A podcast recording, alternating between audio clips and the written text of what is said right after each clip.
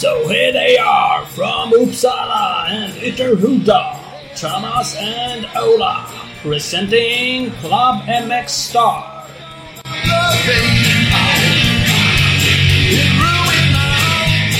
Jo, men visst. Dags igen. Ja, ja, ja, ja, jajamän! Boom! Klubben med Star Podcast. Mm. Avsnitt 1, 2, 3. Ett, två, tre. Mm. Det är coolt. Det är ett bra nummer. Det är ett bra nummer. Det får man då säga. Jag har för övrigt nummer 216 nu för tiden. Det är mitt nya. 216. Byter nummer hela tiden, ja. Ja, ja. Så det det är... så coolt. Ja, det är, back in the days var det elitnummer under 320 va, eller något sånt där. Ja, Det tror jag inte det känner. Du, kände, du hade inget så här dåligt samvete över att ta det numret. Bara tänkte att det här, blir, det här passar mig. Så en smäck. Ja, det tänkte jag. Ja. Jävlar så bra. Precis så. Perfekt. Det här, Det vinnarnummer. här, det här är mitt. Det här är mitt, det tar jag. Coolt. Så att, eh, ja. Sverigecup-ångesten är, På topp. den är på topp. Fan vad skönt. Varför? Varför denna tävling? Varför ska jag utsätta mig för det? Vi konstaterade för ett litet tag sedan att det är 61 betalda, anmälda 63 totalt. Vet du man hur många man kör i heaten? Är det 40 eller 30 eller? Eh, jag, det tänkte jag på häromdagen. Jag bara, fan vad kass jag är på regler nu för. Jag kanske måste läsa regelboken. Jag kör ju inte så jävla mycket cross-race och grejer. Så jag borde ju varit så här, fan hur är det med flaggor egentligen? Viftande, stillastående. Funkar det där nu för tiden? Och, Gul, grön, blå, röd flagg. Vad är det? ja, det finns någon ny sån där tror jag. Läkar, ambulans på banan, flagg och... Mm. Det kanske du behöver låna och vifta med själv. Ja, så kanske man ska ha i bakfickan. Man kan sätta ut. Bara ryck upp en ekjävel. Grönvit. Bara kämpa mig för Den fan. jävla blåser upp sig själv och far upp när man tippar omkull. Precis. Håll. Ja, fan. Det är inte så de skickar iväg en liten heliumballong upp bara. Grönvit. Ja, ja faktiskt. Ja, ja, det kan man- det. Fast jag läser exakt just nu tilläggsreglerna och inte ens där står det hur många man kör i, i, i. Det väl Jag konstigt. tror att det är... det är självklart. Det är mer självklart än att man behöver skriva ut det i reglerna. Det så var 40. Där höll de på med för några år sedan. Då var det bara 30 va? I Mm. Sverigecup. Men 40 på SM. Men Ja, nu tror jag faktiskt att det är 40. Ja. Det är tidskval. Uff. Så att det lär ju bara ut och hissa ja. Ja, det lär det ju. Det är bara, vad sa vi? 23 som ska bort då. Ja, ettan såg det ut som, fan, kanske inte ens blir kval hit. Och så tänkte jag då så här, fan det är ju lite tråkigt att åka ner och vara direktinkvalad. Det straffar sig att tänka så. Det kanske är tråkigare att åka ner och inte kvala in. Ja det är det ju. Den, Nej, men det tror inte jag. Det Jag, är jag tror på dig. överhängande. Tack. Snällt. Jag tror på dig. Jag är inte ens ironisk. Hör du det? Ja, jag körde lite seriecross i helgen. Ja. Tog, tog jag nästan starten i dit. Nu hjälper inte det på tidskval då, om man är startsnabb. Men Jag hörde att du låg och stressade Patrik Ekström och ville köra om han. ja, just det. Eller? Ja, det gjorde jag. Ja. Ja. Nej, det var vad jag hörde på riktigt. Nu lät du ironisk. Så Nej. Titta på mina uppgifter längre. Jo då, jag, jag litar på dina uppgifter. Det är klart det var så. Det vet du. Gamla Ja. VM-åkaren. Ja, men exakt. Han var väl tvåa i något cross SM hit som bäst. Och det, Ja. känd, det lät ju rimligt att du bara äh, hängde på. Ja, faktiskt. Ja. Svårt ska Ja. det vara liksom. Nej, nej, nej. Så är det ju. Oj, oj, Nästan tog en start. Det är ju det är sånt man vill berätta för barnbarnen. ja, det är det. Ledde jag ett tag då? Kommer inte heller ihåg det. Men jag Nej. blev, blev trea i dit i alla fall. Ja. Bra. Ah, ja, vi får se. Vi ska åka ner och ha Ja. kul med Big. Balls-gänget och uh, Bikewash Dennis och ja. Det blir skoj. Ja, övertygad. Han är för övrigt med idag. Vår Mm. gode vän Dennis på Bikewash eh, som en del av våran miniserie här och svenska företag som gör coola grejer. Faktiskt, faktiskt. Han eh, är duktigt nervös kan jag tänka mig. Ja, Han, är, han kändes pressad, jag förstår det. ja det ska han vara. Eh, utöver honom så har vi med oss John Nyström. Precis så. Superenduro-kille kallar jag honom. Det var typ det enda jag visste nästan. Får skämmas. Men han Det var är ju typ fel, det var det minsta han hade gjort. Ja, han är ju för fan enduro-EM och VM och Ja.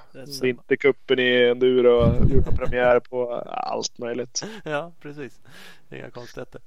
Nej, vi har fan ett svintrevligt samtal. i- Pratat träning och allt möjligt i en och en halv timme. Spanien-äventyr på hotell och grejer. Ja, absolut, absolut. Så det kommer alldeles strax. Först ska vi nämna några av våra goda samarbetspartners. Eh, och vi har ju bland annat med oss Scott. Skottsport Sverige är ju även importör av Motorex smörjmedel eh, som bland annat är officiell olja för KTM och Husqvarna. Motorex finns ju nu även i miljövänligt tetrapack eller vad, vad säger man? Sådana fina som att dricka vin förpackningar. Dunk kan vi kalla det. Dunk. Ja. Eh, så jag har redan, redan sett att flera butiker liksom börjar med möjligheten att man kan ta med sig sin lilla flaska och fylla på den in. Miljövänligt Mm. och bättre pris. Eh, Så det är fantastiskt. Motorex. Eh, Skottstrecksport.se och Skottsport Sverige på Facebook. Jajamän. Husqvarna har vi med oss. Regulars becomes influencers. Det pratade vi mycket om förut. Du skulle ju söka. Jag gjorde Nu- ju det. Nu är det avgjort. Jag kan säga att du var inte med. Nej, jag vet. fyra. Fan! Ja. Jag förstår att du läste igenom den här listan. Jag ska läsa upp de Instagram-kontona. Victoria Warby, Grandeberg understreck, Miriam understreck Geijerhofer och I am Lofström. Det var de som eh, får låna en, eh, en bike av Husqvarna. Ja, ingen MX Star där. Nej, nej. Ingen MX Star. I am Lofström. Han är ungefär så bra på att knäppa kort som, eh, som jag skulle vara om jag höll på med kortknäppning tänker jag. Ja, just det. Gå in och kolla, följ han. I- IAM Lofström. Han var fan äckligt bra på att ta kort. Ja, ja, han var väl värd det då. Ja, faktiskt. Och Victoria Warby, hon är ungefär så deffad som du borde vara för att åka Sverigecupen. Mhm, du ser. Skönt. Så, så mycket, så, exakt så mycket har jag stalkat de där stackarna. Ja. Men eh, gå in och följ dem. Eh, Grandeberg eh, understreck var den som var först ut. Han har haft biken nu ett tag. Så Ja. att, eh, kolla vad de har för sig. Det ser jävligt coolt ut. Stort grattis till dem och eh, www.husqvarna-motorcycles.com kan man kolla upp Husqvarna allmänt på webben. Eller så följer man dem också på Husqvarna Motorcycles Scandinavia på Instagram. Det kan man göra. Där kommer man hitta länkar till alla de här. Ja, exakt så. Eh, uh, Speedstore har också med oss. Det är butiken i Valbo utanför Gävle. De har ju allt som du behöver för din enduro och crosshoj. Nu ska man ju passa på för det är fantastiska utförsäljningspriser på Husqvarna 2019 bikar. Uh, så det ska man kolla in. Och för den som nu absolut måste ha det senaste nyaste så har det börjat rulla in 2020 crosshojar Husqvarna i butiken. Så då kan man slå till på en sån om man nu inte vill ha en 19 bike. Uh, kolla in speedstore.nu och speed-store på Instagram. Yes box och vi har Big Balls MX, din eh, Sverigecup eh, samarbetspartners. Mhm. grymmaste butiken i Växjö. Just nu så kampanjar de på Succa 2017 hojar. RMZ 250 62,9 och RMZ 450 för 59,9. Det är bara att köpa upp. www.bigballsmx.com eller bigballsmx på Instagram. Lysande, lysande. Hörru, vi ska tacka eh, vår redigerare Hugo Karlsson. Han är grym. Mm, Karlsson-Hugo menar du? Ja, ja, just det. Vad sa du? Hugo Karlsson, Just Karlsson Hugo. Ja, han. Han ja.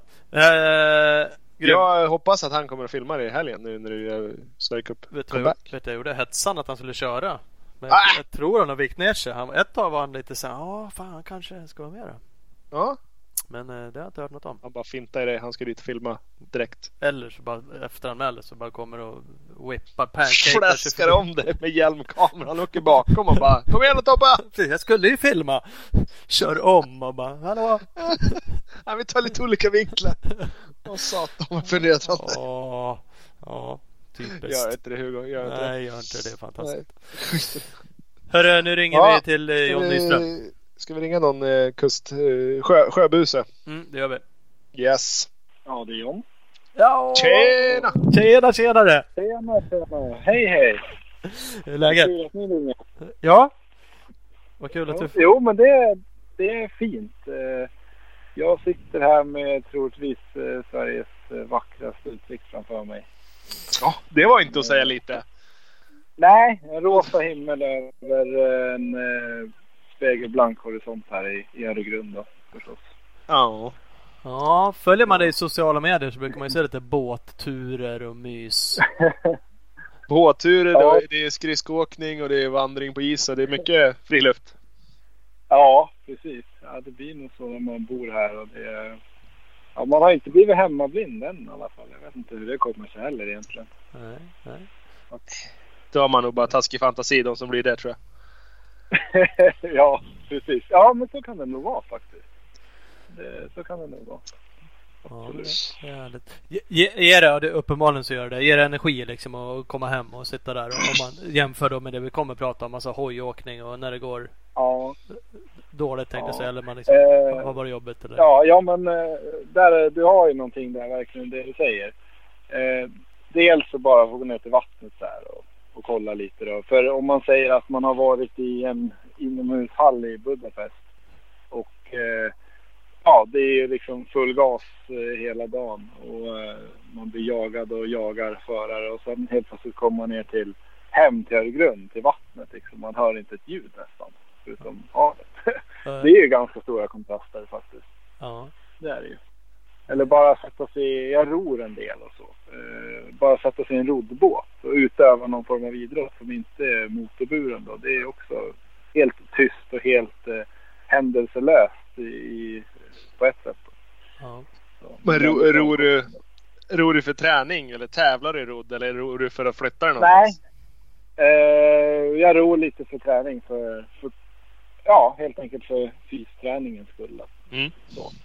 Sen eh, har jag valt att utföra, eh, såklart så ror man väl en del på gymmet och så här som de flesta motorcykelförarna gör kanske. Men eh, sen eh, har jag en roddbåt som jag använder på vattnet också. Ja, du ser. Ja. Ja, varför- ja det, det är ju faktiskt jävligt modernt. Nu kör man ju sig mycket sådana här skier. Heter de så? Det har ju blivit ännu modernare. Det har slagit Stark ut. Ja. Ja, stark. Det går liksom lite mode i det där. Ja, men det gör det. Jag tycker det är helt fruktansvärt faktiskt. det är det. Jag investerade i ett par rullskidor här för inte så länge sedan. Och det, eller ja, det var något år sedan nu. Men det tycker jag är helt fantastiskt. Det kanske inte går att jämföra med att stå i en sån där. Men, men eh, det känns ju bättre på något vis faktiskt. Ja, Det är alltid det där att komma ut eller inte komma ut. Nu är rullskidorna, ja vintern kan du ju åka vanliga skidor då. Annars har det väl sina fördelar Ja. att träna inomhus. Men eh, det är klart, kan man komma ut så är det rätt nice. Ja, sen, sen är det ju en väldigt mental styrka det där att stå och kolla in i någon vägg i, i kanske 40 minuter, en timme eller ännu längre.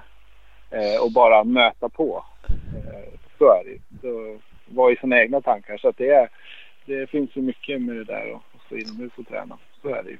Det känns ju som att det är lättare att lura huvudet att fortsätta om man, jag bara ska bara förbi den där kurvan där borta. Jag ska bara över, Ja, den ja, ja, över ja. det här krönet. Kom igen nu då.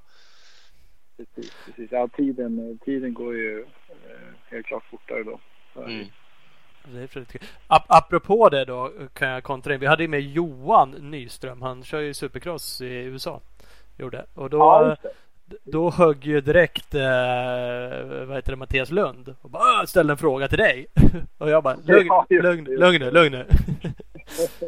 nu, Ja, nu, eh, nu har ju snar lika namn så det var ju det. Men i alla fall det han frågade. Ja. Han, han sköt ur sig igen för han fick reda på att du skulle vara med nu. Eh, apropå ja, ja. träning och kötta på. Vad du tycker om att välta eh, traktordäck? Är det bra eller dålig träning?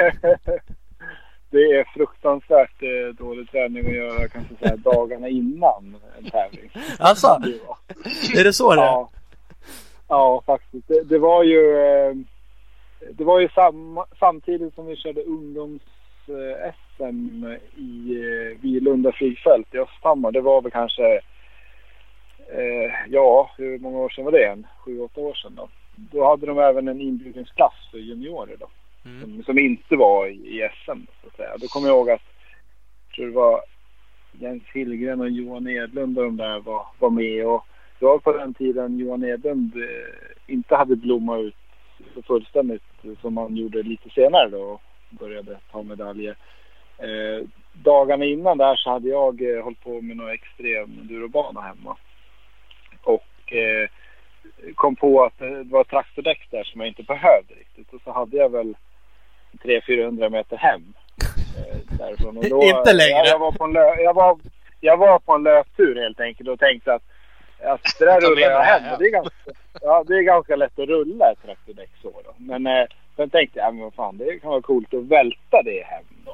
Eh, och det, det, gick ju, ja, det gick ju jämntungt hela tiden. I, I ett visst antal minuter eller halvtimme kanske. Och sen var jag helt stum under armarna för, för flera dagar framöver. Så det, det var ju absolut inte optimalt att, eh, att eh, köra där. Så att det där eh, blev man verkligen avskjortad. Det var ingen bra uppvärmning. Nej, det var det verkligen inte. Jag var väldigt stum i kroppen. det, kanske, det kanske var bra träning då, men inte dagarna innan. Precis. Nej, nej men Nej. precis, precis. Ja. Absolut. Ja, ja. absolut. Ja, men då vet du ju det. Man lär göra vissa saker för att lära sig att det där var ju dåligt. Ja, ja precis, precis. Jo, men man har ju lärdomar hela tiden tycker jag. Det gör man. Du- Du nämnde där inbjudningstävling. Du nämnde också USM.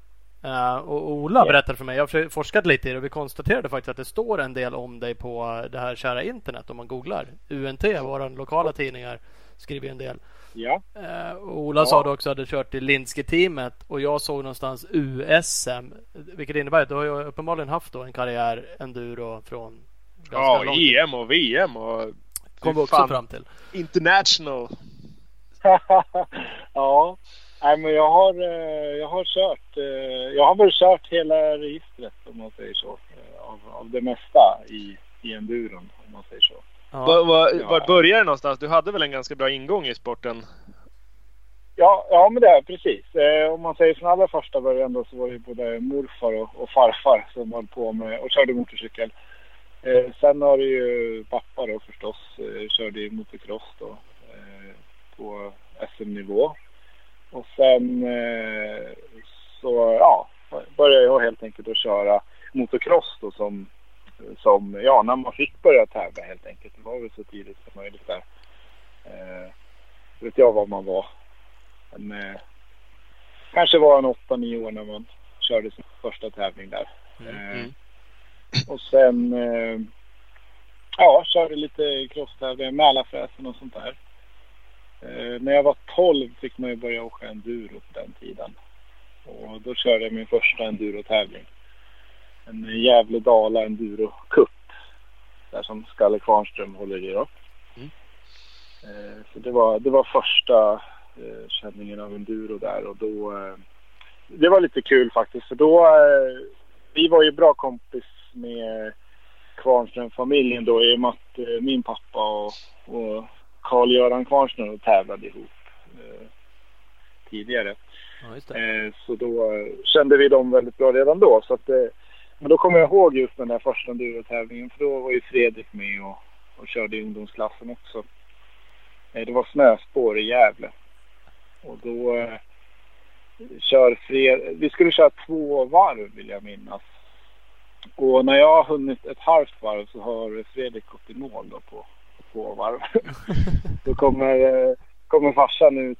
Han har väl korsat banorna på något vis och kommer ut som mitt på kraftledningen där. Och han säger lite, inte missmodigt så han är alltid pushande så, men han ja, berättar helt enkelt att jag har väl kommit ungefär halva banan och funderar om jag ska ge upp då. Jag kommer ihåg den där enorma ilskan liksom, att, eh, ungefär att du kan nästan dra åt skogen liksom. Jag, jag kör på och du är tyst. Så, ja, det var, var den inställningen då att man att man eh, skulle absolut ta sig i mål förstås. Ja. Eh, eh, Så, så där ser man också vilken stor skillnad det var mellan mig och Fredrik då, till exempel på den tiden. Och Robert eh, hade ju, hade ju kommit väldigt långt eh, redan då också förstås i, i enduron då. Ja, precis. ja, det där, det där kan ju vara lite lätt knäckande. Nu var du inte så gammal där. Det kan ju bli lite knä- knäckande Nej, ändå fast på ett annat Precis, sätt. jag var ju än den 12 andra. då. Ja. Ja, precis. Ja, men precis. Det var... Ja, men det var det ju. Och så. Nej, men... eh, Ja, men eh, samtidigt så såg man väl kanske inte... Jag vet inte vad som gjorde att jag fortsatte åka enduro egentligen. För eh, det var ju kanske... Tänker man efter så förstår jag inte vad som var så roligt i det. Liksom att åka snöspår och vurpa varannan meter och så vidare. Det är ju sjukt dålig in, inträdesport liksom. Ja, ja, det är ju det. Och, men jag minns att jag körde nog hela den där serien och sen gjorde man väl det. Ja, jag har väl kört den där ja, Gävle-Dala serien så, så länge man kan minnas. Ja, förutom nu när man har blivit äldre och så har man inte prioriterat eh, någon vinterserie kanske sådär att köra hela. Eh, Men eh, då i ungdoms och junioråren så körde man ju varje tävling. Det gjorde man ju. Ja, men då kunde man åka mycket som helst. Då var det dessutom någon annan som Ja. fixade och betalade. Ja, betalade i alla fall. Och, ja, precis. precis. Absolut. Jo, men så var det ju. Och, och skjutsade och, och så vidare. Man gjorde det ju verkligen tillsammans på den tiden. Ja. Det, det, ja, det var ju en rolig tid när man var ungdom. Det tycker jag. Men sen fortsatte den då och liksom körde då uh, ungdoms när, när lossnade det då? Eller har du gjort det? Upp, uppenbarligen. ja, precis. Det, det, det, det, frågar jag också ibland om, eh, om det verkligen lossnade. Men det, det gjorde det väl någon gång där. För jag kommer ihåg till exempel att eh, då, då började de med det här, eh, Svemo började med lite ungdomssatsningar och sådär då när man körde den här eh, lägsta klass. Nej, eh, USM 2 var det, den här mellanklassen. Då körde man 125 antar jag. Då vet jag att det var någon på Svemo som hörde av sig. Då var det Lars Börjesson på den tiden som var som ungdomsansvarig då. Och eh, de tog väl ungefär topp 10 kanske i klassen och sådär. Och så bjöd de in till något träningsläger, lite så här vidareutveckling då. Och började man träna lite kurvteknik och så vidare då. Ja. Eh, och det var väl då liksom man fick blodad tand mer och kände att eh, då träffar man helt plötsligt alla man brukar tävla mot, lärde känna dem och så ja, som man tävlar mot varje helg och, och sen eh, ja, ja, triggades man väl att utvecklas Eh, så då inom sporten. Och sen, eh, ja, sen vill jag minnas att eh, ja, när jag kom upp till USM3 då började det faktiskt lossna och då kunde jag komma på pallen och så vidare på, på deltävlingarna. Mm. Och sen sista året gick det väl egentligen som bäst där i, i största maskinklassen, USM3. Då vart jag fyra totalt. Eh, och uh, vart väl tvåa totalt som bäst i en deltävling. Uh, och då var jag tror att det var Robert Karlsson som vann den deltävlingen. Och då, det var nog den minsta marginalen han har spöat mig med. Det rörde sig nog om, ja trots allt så rörde det sig väl om en 30-40 sekunder minst. Men uh, det var ju ändå hyfsat lite med tanke på hur mycket fortare han kör annars då. Så, att, så då var ju marginalen hyfsat liten och Kalle Svensson var nog efter mig den tävlingen. Från Vimmerby där. Ja, precis. Eh, så, så, det var väl eh, några sådana här tävlingar det året som, som gick riktigt bra. Och sen eh, slutade jag fyra det året. Samma poäng som trean och det var Rickard Hansson som körde in på bronspengen där. Och det avgjordes väl på bäst placering tror jag under året. Han hade väl kanske vunnit någon deltävling eller sådär. Då, jag. Fan. Så fick han bronspengen och jag, ja, och jag fick en fjärde den, den är ju ändå lite, ja. Den kan man ju vara bitter Ja, jo men det, det är lite, ja precis, det, så var det väl. Det... Då satt du länge nere på havet sen. I tystnad. ja, på den tiden var jag nog inte lika förtjust i, i vattnet. Då, då var det nog bara då, på den tiden så kan jag tänka mig att då var det nog bara hem och så tog jag en löptur faktiskt. Det var någonting som jag ägnade mig mycket åt då. Ja, det, ser. det verkar sjukt. Så, för, det, för det minns jag också från den tiden att, eh, att jag tränade enormt mycket fysträning. Och eh, det var någonting som jag inte tummade på. Det var nog min styrka kände jag. Och mitt mål också att, eh, att är i alla fall starkast fysiskt så, så kommer jag väl kunna upprätthålla körningen på ett bra sätt. Det var liksom målet. Även fast man tränade mycket teknik och så också. Men jag kanske insåg redan då att det fanns förare med bättre teknik. Så jag försökte väl liksom eh, ja, förbättra andra sidor som de kanske inte hade. Andra det, det fanns de som var lite dummare och vågade hålla i lite längre. ja, precis. Ungefär så. Ja. Exakt. Det var det du menade, men du sa det lite snällare. Ja, ja precis. Ja. Exakt. ja. Håller, håller du i det? Alltså, eh, gillar du fortfarande fysträna liksom? Kör du stenhårt? Ja, men det gör jag.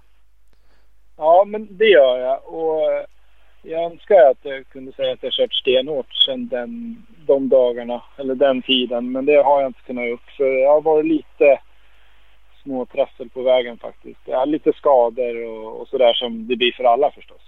Eh, så. Så att, men, men nu skulle jag nog säga att jag är igång på relativt hög nivå igen och, och tränar fysik. Då. Kon, framförallt eh, kondition då. Mm. Det är det jag lägger mest fokus på. Att vara på gymmet, det, det är ganska komplicerat tycker jag själv. Det är ganska svårt. Så jag, jag försöker ägna mig åt att åka motorcykel och, och träna kondition i, i olika former. Ja, svårt på grund av vad? Svårt med övningar eller svårt att motivationen på gymmet eller svårt att få det att bli Nej, jag bra? skulle nog säga att det, att det är lite svårt det här att, hitta balansen rent, rent fysiskt faktiskt. Eh, men för det så, så har man ju ett visst antal timmar. Eh, ja, ett, ett visst antal timmar varje vecka man kan lägga på träning. Mm. Eh, så har väl jag sett det. Och då, och då är det ganska få. Alltså det, det rör sig om en till två timmar varje kväll skulle man kunna lägga. Om, om allt rullar på som det ska. Mm. Eh, och sen uppstår det ju saker förstås i vardagen hela tiden som gör att man kanske inte har den där en, två, tim- en till två timmarna varje kväll. Eh, och, och då har jag väl helt enkelt valt att göra så att eh, de få timmarna jag har prioriterar jag ja, på konditionsträning och motorcykelåkning. Eh, ja, jag har, jag har väl egentligen kanske ingen riktigt bra förklaring. Det är väl helt enkelt så att jag inte hittar riktigt balans i det där med styrketräningen. Mm. Så fått, eh, fått eh, känslan på motorcykeln efter vi haft en styrketräningsperiod. Det, det har nog någonting med det att göra skulle jag säga. Så, så egentligen är det inget du saknar då heller? Du känner inte att du liksom är i brist på styrka utan du, det är också att, att du faktiskt tycker att det kanske inte behövs Ja, alltså det, här, det, här är, det här är ganska bra frågor faktiskt. För, eh, jo, men jag kan väl känna att, eh, att jag har vissa, eh, vissa svaga punkter i det. Att man kanske skulle ha, ja, men som hållningen till exempel har jag jobbat lite med. Eh, få upp hållningen på cykeln och sådär. Det har ju såklart med, med bålstabilitet och sådär att göra. När man börjar bli trött. Eh, ja, när, när kroppen börjar krampa i ett superenduro hit kanske man faller lite i hållningen och då eh, tappar man balansen och kanske börjar paddla med fötterna istället för att stå på pinnarna. Sådana saker. Och, där, där, där har man ju den biten lite förstås man behöver jobba med. Så det är det. Ola ska... jag det, var, det var ju mitt ingångsläge att paddla med fötterna. Jag fattar inte vad du menar. Vadå man hamnade? ja. Finns det ja, några, nej, finns det är alternativ? Det- ja, exakt. Vad fan. ja, oklart. Jag kan sälja mina fotpinnar de är som nya. Jag förstår vad du menar. Jag är som en jävla ostkrok och har alltid varit. Ser ju fan inte klok ut när jag åker hoj. Och nu för tiden när jag är gammal får bara massa reklam om sådana hållningströjor och grejer. Jag vet inte fan vad som händer. Det är De, de, fan, de kollar av jag, hur jag ser ut till den och skickar. Helt korrekt reklam i och för sig. Men, ja. Hackar i webbkameran kollar upp dig på Instagram och Facebook. ja det är tydligt den där jävla ostkroken. Han behöver någon sån här dyr jävla t-shirt som sträcker upp han. Med titaninlägg i ryggraden. Det är Ja. stuff. Den där tröjan viker du inte ihop. Du bara glömma. Nej precis. ja, precis. Du faller som en linjal sen. Ja. Nej men det är intressant det du säger. Alltså det är, man har ett seriöst och det har man ju på något sätt sett tidigare. Följer man det lite och sådär så märker man ju att du eh, rör på dig. Och det är ändå en analys. Även om du nu delvis analyserar att du skulle kunna träna lite mer gym om du hade mer tid. Men samtidigt så Ja jag förstår ju det där med balansen. Det är ju liksom man måste ju hitta det, Ja, alltså, det där går ju att prata om hur länge som helst egentligen och, och vad, man, vad jag har eh, för erfarenheter om, om träningen i sporten och så vidare. För eh, det- jag och några med mig i min årskull i enduron har ju fått, eh, fått hjälp via Stemo. mm. I, vi var ju med i Topp och Talang-programmet. Ja just det. Eh, Det var ju både jag Robert Kvarnström och Pelle Svensson och eh, ja, många fler. Eh, både eh, i nitt- årskull 91 och 89 och så vidare. Så vi, vi har ju varit ett gäng som har, har fått den där utbildningen, eller vad man ska säga, av, av Svemo då. Eh, och det, det började väl egentligen i samma veva som eh, de här ungdomssatsningarna när man körde USM 3 och junioråren. Då. Och där, eh, där fick vi ju komma till Bosön då. Eh, anordnade. Och eh, vad ska man säga, de eh, ja, ja, utbildade väl oss lite i, i eh, hur kroppen fungerar och med träning och, och vad som kan vara bra att, träna och så vidare. Och vi gjorde fystester, både styrka och, och konditionstester. Då.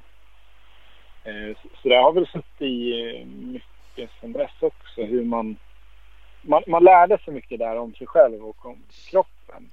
Eh, och, jag kan säga att för mig personligen så var det både rätt och fel. Det för mycket där. Dels så började jag träna som bara satan då. Kan man säga. Att jag, jag, jag hade sånt fokus på att få träningstimmar hela tiden.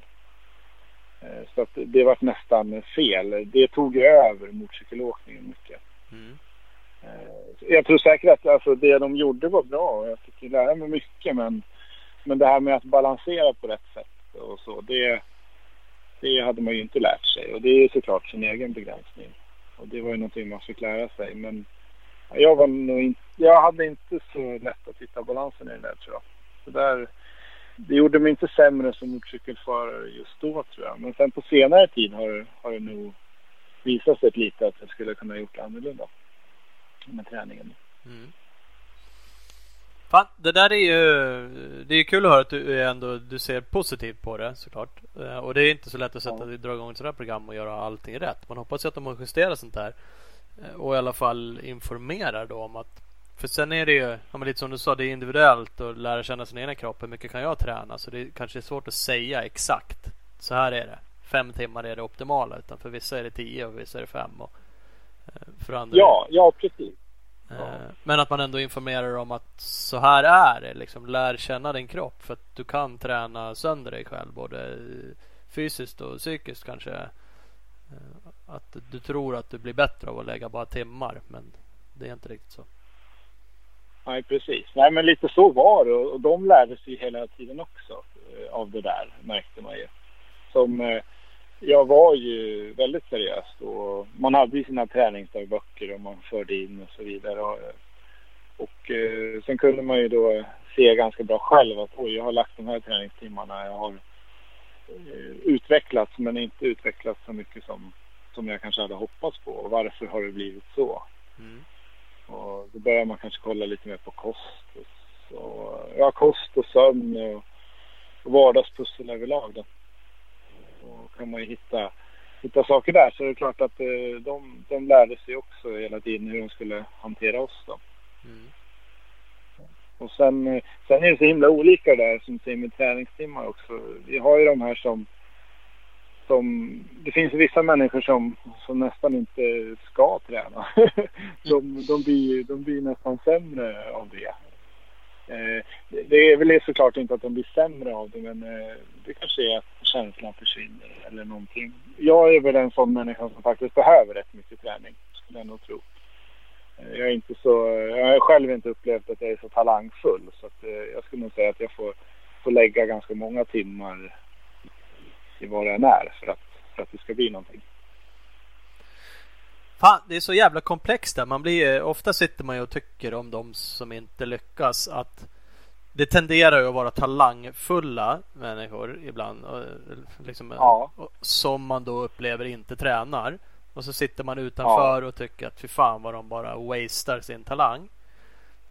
Ja, just det. Fast det, det kanske inte är så precis som du säger. För det är, är man extremt talangfull eller liksom, det hade kanske inte spelat någon roll om de hade tränat supermycket. Men jag tror, att, jag tror att man kan ha talang på olika saker. Jag tror man kan ha talang för att träna, att fysträna, att, att ha huvudet som klarar det. Och samtidigt så kan man ja. ha talang för att åka motorcykel. Då kanske du inte har huvud för att, för att uh, fysträna sönder dig själv liksom. Nej, så, så kan, det kan ju ligga någonting i det. Det gäller då att väga av det där. Att hitta, hitta någonting, en mellanväg eller hitta någon som har talang för bägge sakerna. Eller? Ja, precis. Och mycket av det här med, med träningen tror jag också, det, det handlar nog... För mig har det handlat om eh, vardagspussel, helt klart. Eh, mm. Stressen framför allt. Att liksom kunna eh, ja, gå igenom vardagen stressfritt. För när jag har stress, då ger inte träning mig ett dugg. Det, har jag fått lära mig genom åren. Så, så först och främst måste jag liksom komma ner på en stressfri nivå. Sen får jag lägga in träningen, tävlingarna. Och, och, när jag liksom har harmoni i allt det där, då känner jag att då är det, dels är det mycket roligare att ha harmoni. Och sen, sen känner man ju att man presterar ju så gott man kan då. Helt enkelt. Eh, så, så det är väl det som Eh, har varit mitt eh, fokus sen på senare tid. Att, att hitta vardagspusslet. Att, att träna mängd och, och så, och så det, det, det kan jag men det är det där att, att eh, få in det så att, så att man mår bra och tycker att det är roligt.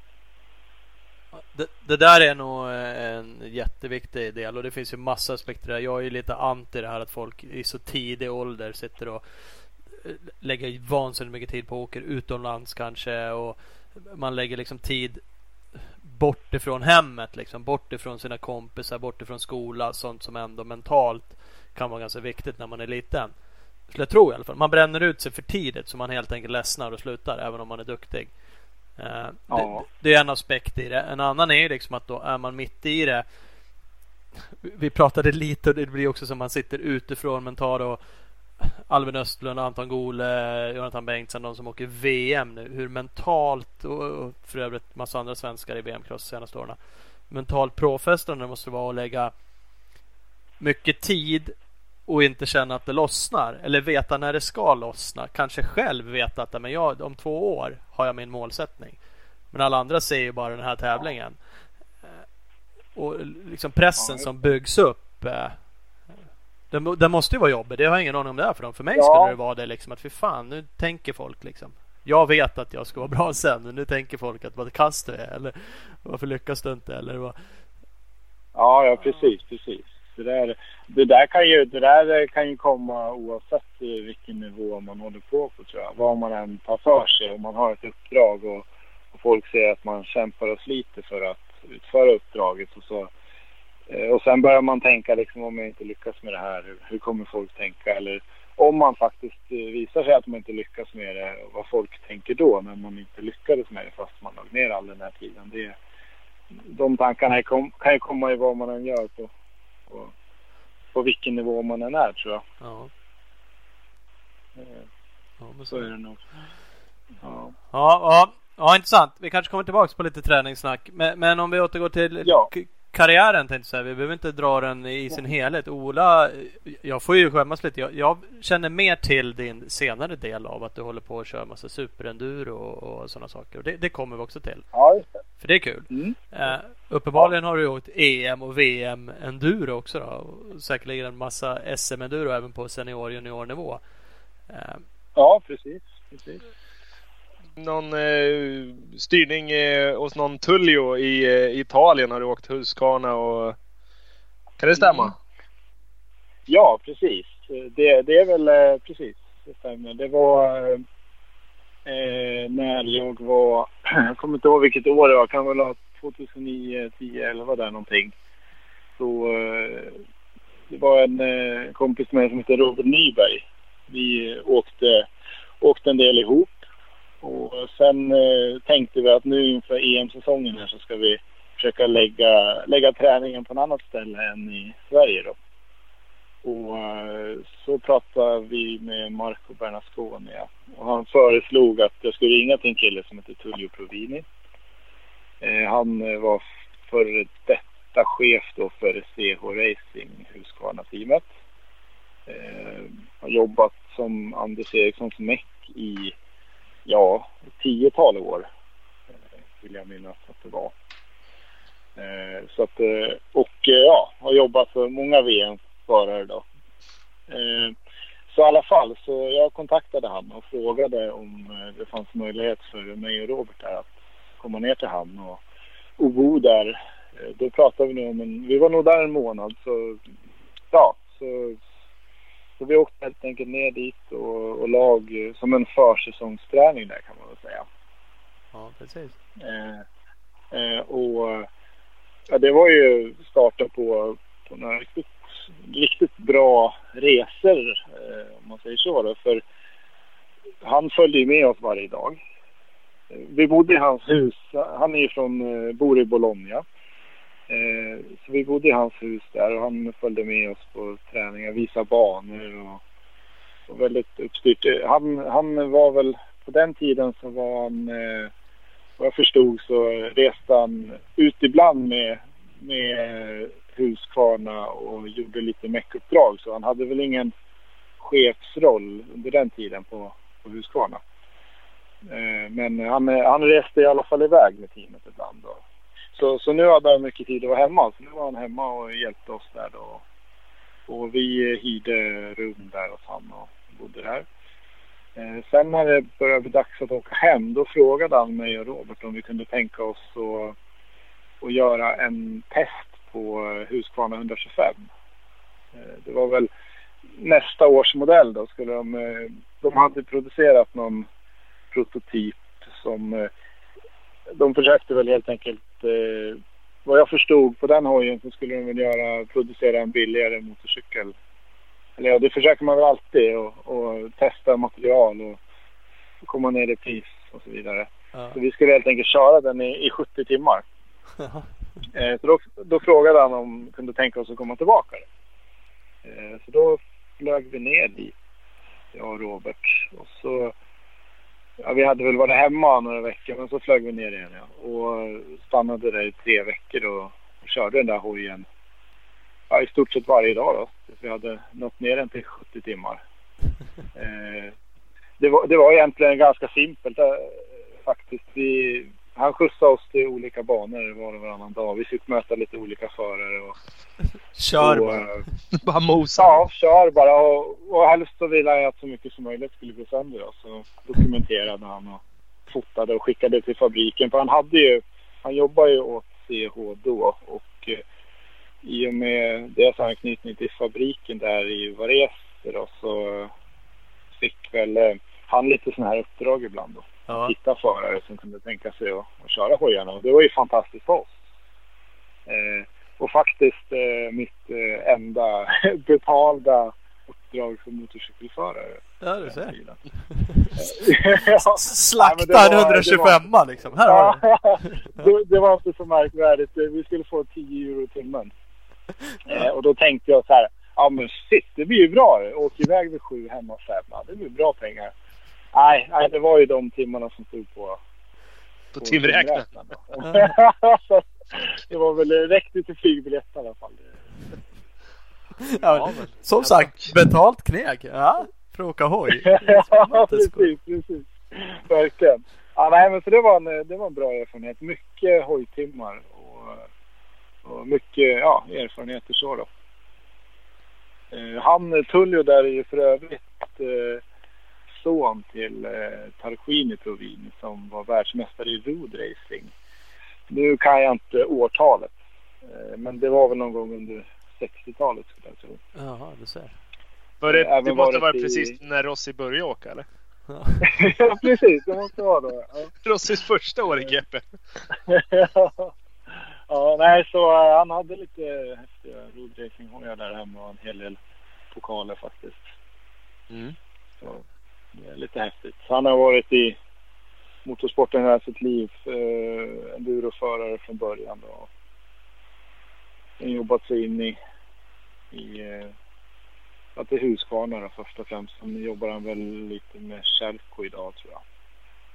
Ja, för- Måste ändå vara kul att vara iväg så jag förstår att det är inte så jävla eh, glamoröst som man kan tro liksom. Bara ligga nere i Italien och träna och få- betalt för att köra hojar och allt vad det är. Men, det måste ändå vara kul och lära känna folk Ja, och alltså träffa det- språk och Ja, länder. Och... fantastiskt. Ja, fantastiskt. Sen, sen var det lite kul med Tullio därför han var ju otroligt familjär och, och snäll sådär. Men eh, det var faktiskt eh, en dag jag var lite... Alltså vi åkte ju vid, vid 6-7 tiden på morgonen och vi kom ju tillbaka när det var mörkt. För Ja. att, jag menar, och ändå kunde det ju stå bara två timmar på timräknaren. Det är ju så när man sitter och åker småbanor och så här. Det, det blir inte så mycket timmar. Eh, men då var man ju helt slut och så, så det är klart att det var en tuff period och han var ändå en sån här som manade på en. Jag kommer ihåg en dag, jag kände själv så här i efterhand att jag faktiskt körde lite lojt. Då stannade han mig och sa att eh, nu får du faktiskt börja dra lite för den här hojen ska testas för full gas. Så att inte du vill köra full gas, då får vi hämta hit någon annan. kör.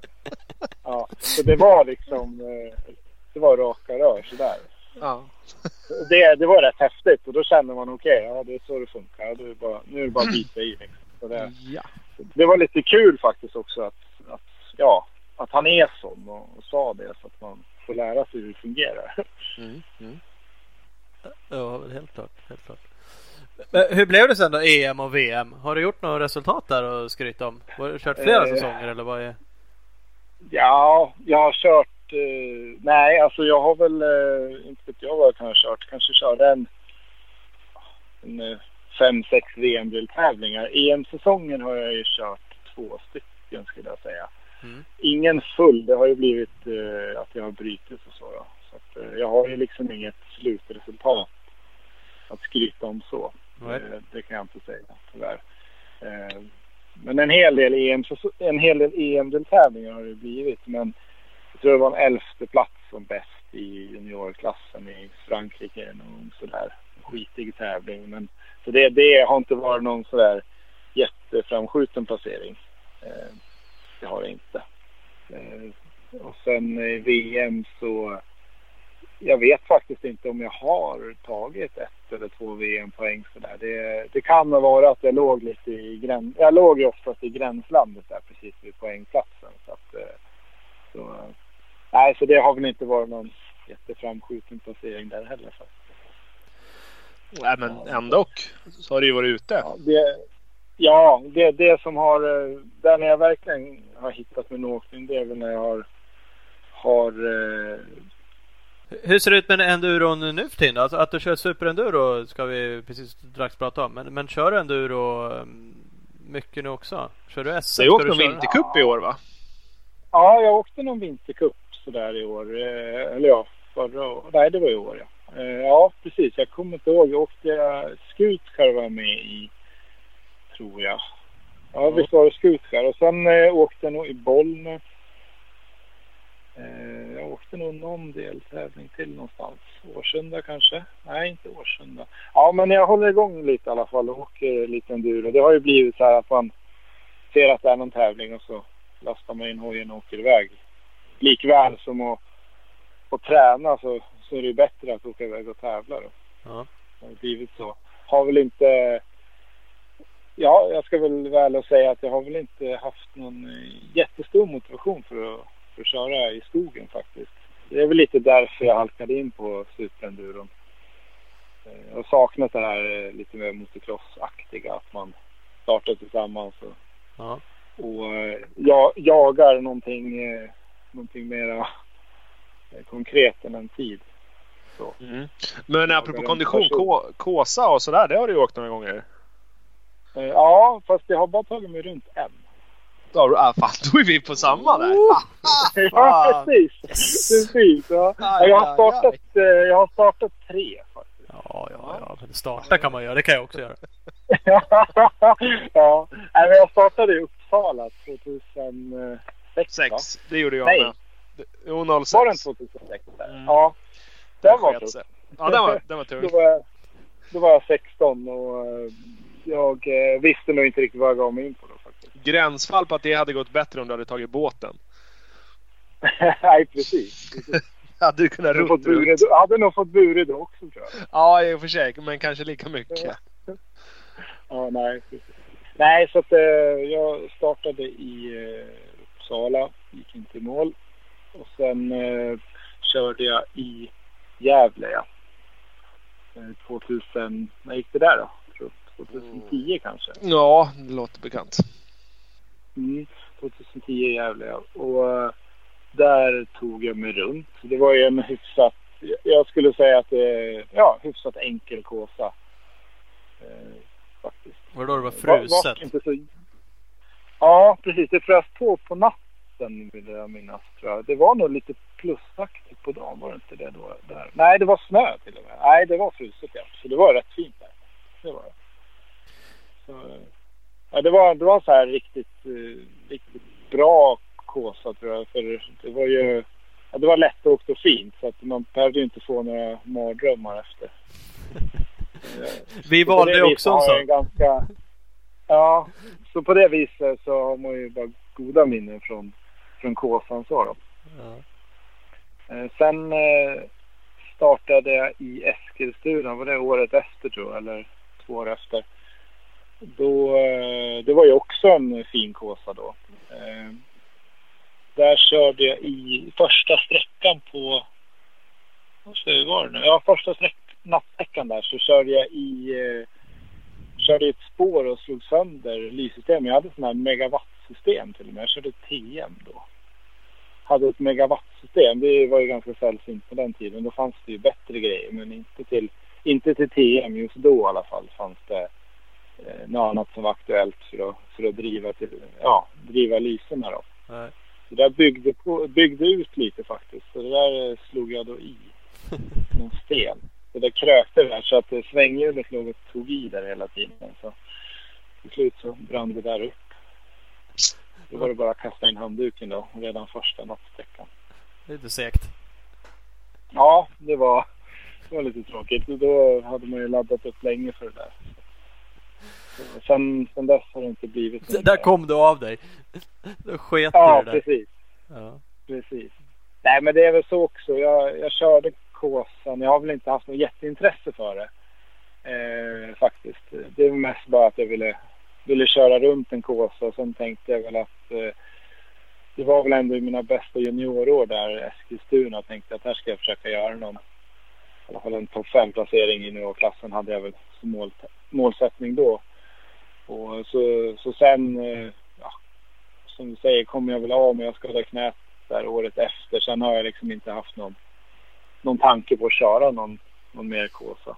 Det kanske blir... Eh, jag har tänkt på det om man skulle köra nästa år då, för då är det väl i Gävle igen va? Ja, Mm, precis. Precis. Ja, så där har det ju funnits någon tanke för det, det skulle ju kunna vara en kul tävling. Mm. Kul ja. Med, Kul med, med var ordet. betoning på just kul. ja, precis. Ja. Apropå kul då. Det, det här tycker ju jag och Ola är lite kul. Nu kör vi i och för sig mer eh, extrem enduro. Vi är lite mer RS-berg Battle of Vikings killar. Ja, just det. Precis. Ja. Men superenduron. Superenduro EM körde Ja. du hela säsongen i år. Blev det fyra totalt? Stämmer det? Fyra? Ja, Ja. ja det Eh, det, fan, bommar du pallen där igen? Mm, mm. Det hänger i sen Jo, har, ungdomsåren. har lite, har lite fjärdeplatser. Ja. Eh, Eh, Men vad, vad i år har du kört för något polskt team, men det, du har i alla fall någon polsk kontakt va? Som du... Ja, precis, precis. Eh, Ja, de har ett litet team, men, men det är ju som... eh, Ja, man är ju ändå sin egen i den här sporten och betalar ju de flesta utgifterna i alla fall. Eh, eh, nej, men det har blivit så. Jag har ju haft... Eh, varit och kört lite på eh, olika ställen i, i Polen och då eh, var det väl så det började att jag var med och var tränare på träningsläger uppe i norra Polen för två år sedan nu då. Och eh, då träffade jag då den här killen som jag nu har kontakt med och lite hjälp med där i, i Poznan då, i centrala, eller mellersta Polen. Eh, han var med, han och hans sambo var med på det här träningslägret. Okej. Eh, och de, de driver en motorcykelfirma. Säljer Husqvarna, alltså med Husqvarna-bilar. Eh, och eh, jag åker lite på hobbynivå själva då. Så att, eh, jag var helt enkelt där och tränade dem. Eh, och då frågade han mig lite där hur jag ställde mig till att komma och köra deras eh, polska mästerskap i superenduro. På hans, eh, om han lånade ut en hoj åt mig då. Där så att jag kunde flyga dit. Ja, just det. Eh, Det var, det var senare på det året. Då. Jag tyckte väl jag var en bra idé.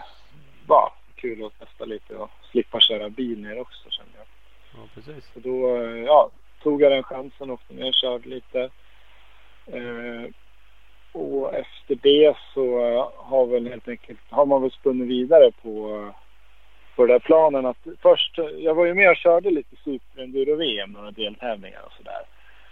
Eh, och, och det där har ju varit ja, lite större i Polen än det här i och med att det visas ju på nationell tv i Polen. Så där, de, är det en svensk med och, och kör eh, superenduro-VM och sen kommer en svensk och kör deras lokala tävlingar, då, då blir man lätt igenkänd. De kommer ihåg sånt. Så det är väl det som... Eh, ja, det är väl lite därför han som tog kontakt med mig också, för han hade sett mig där. Eh, så då, men i alla fall då, så när jag väl var där nere i Poznan körde polska mästerskapen så började vi prata vidare om att jag skulle köra superenduro-VM då.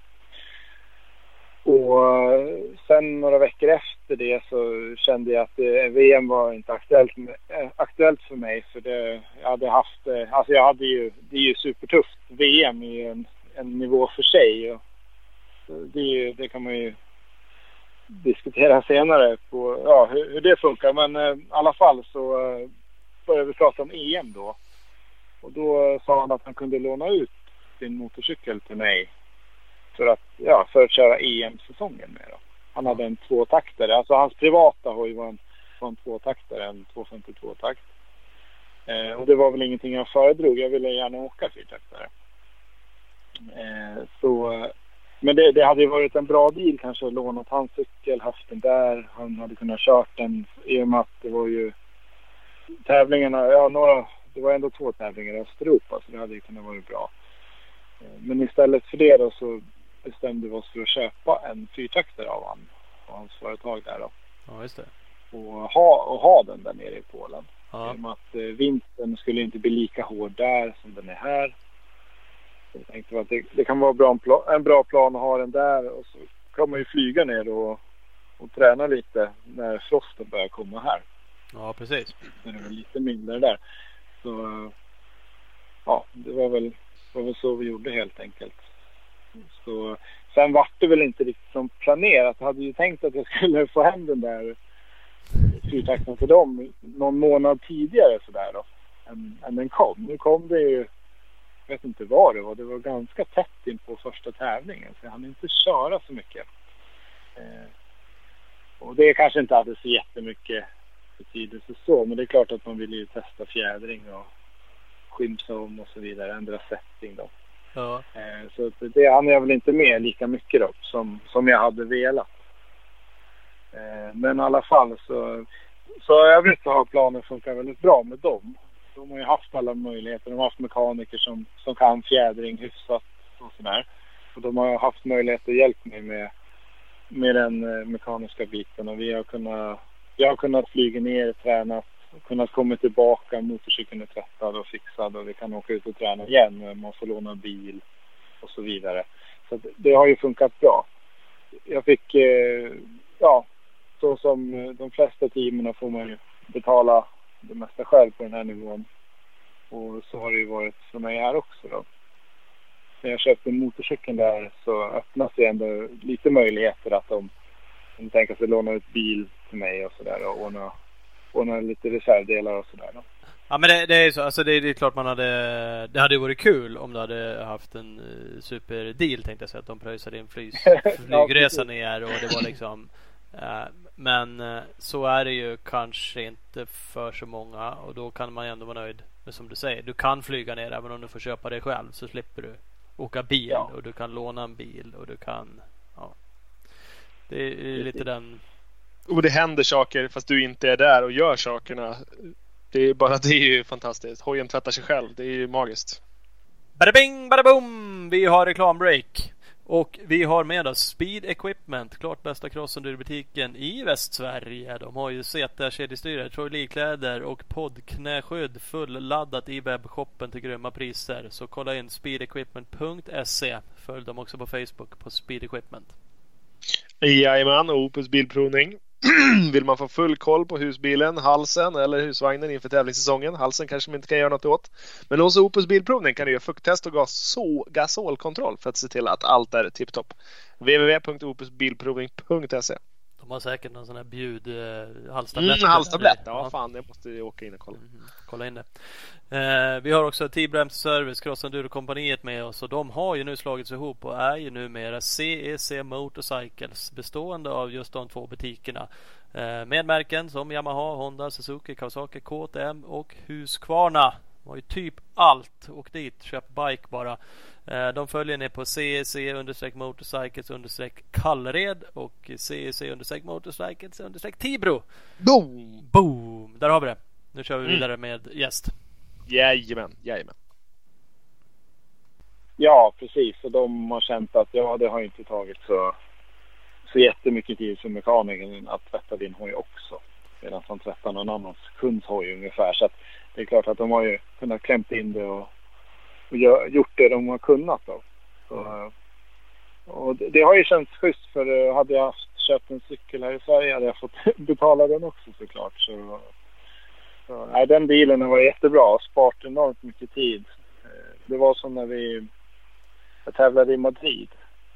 Ja. Då flög jag ner dit på flög jag ner dit på torsdagen ja, och flög hem på söndagen. Eh, skulle jag åkt bil dit så skulle jag ha den där, hela den där apparaten hade väl tagit en och en halv vecka i alla fall att åka fram och tillbaks där.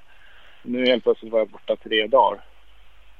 Ja, så är det. Eh, men, men du har fått boka alla hotell och alla, allt sånt själv?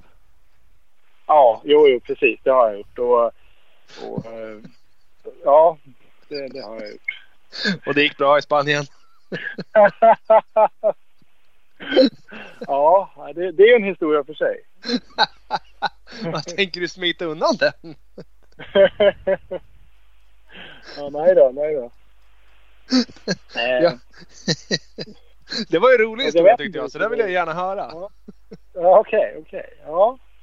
Ja, nej, men, men då kände jag verkligen. Det var en liten sen händelse där i, i Spanien. Jag eh, väl på Booking.com där någon veckan innan, vecka innan och kikade lite hotell och sådär. Och såg att det var ju svindyrt i Madrid.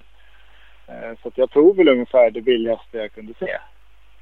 Och eh, när jag väl landade i Madrid så var det ju även taxistrejk då. Så jag fick ju, fick ju ta bussen till någon hållplats och sen fick jag lifta två olika sträckor för att ta mig till det där Perfekt. hotellet. Det låg så himla långt ut från stan.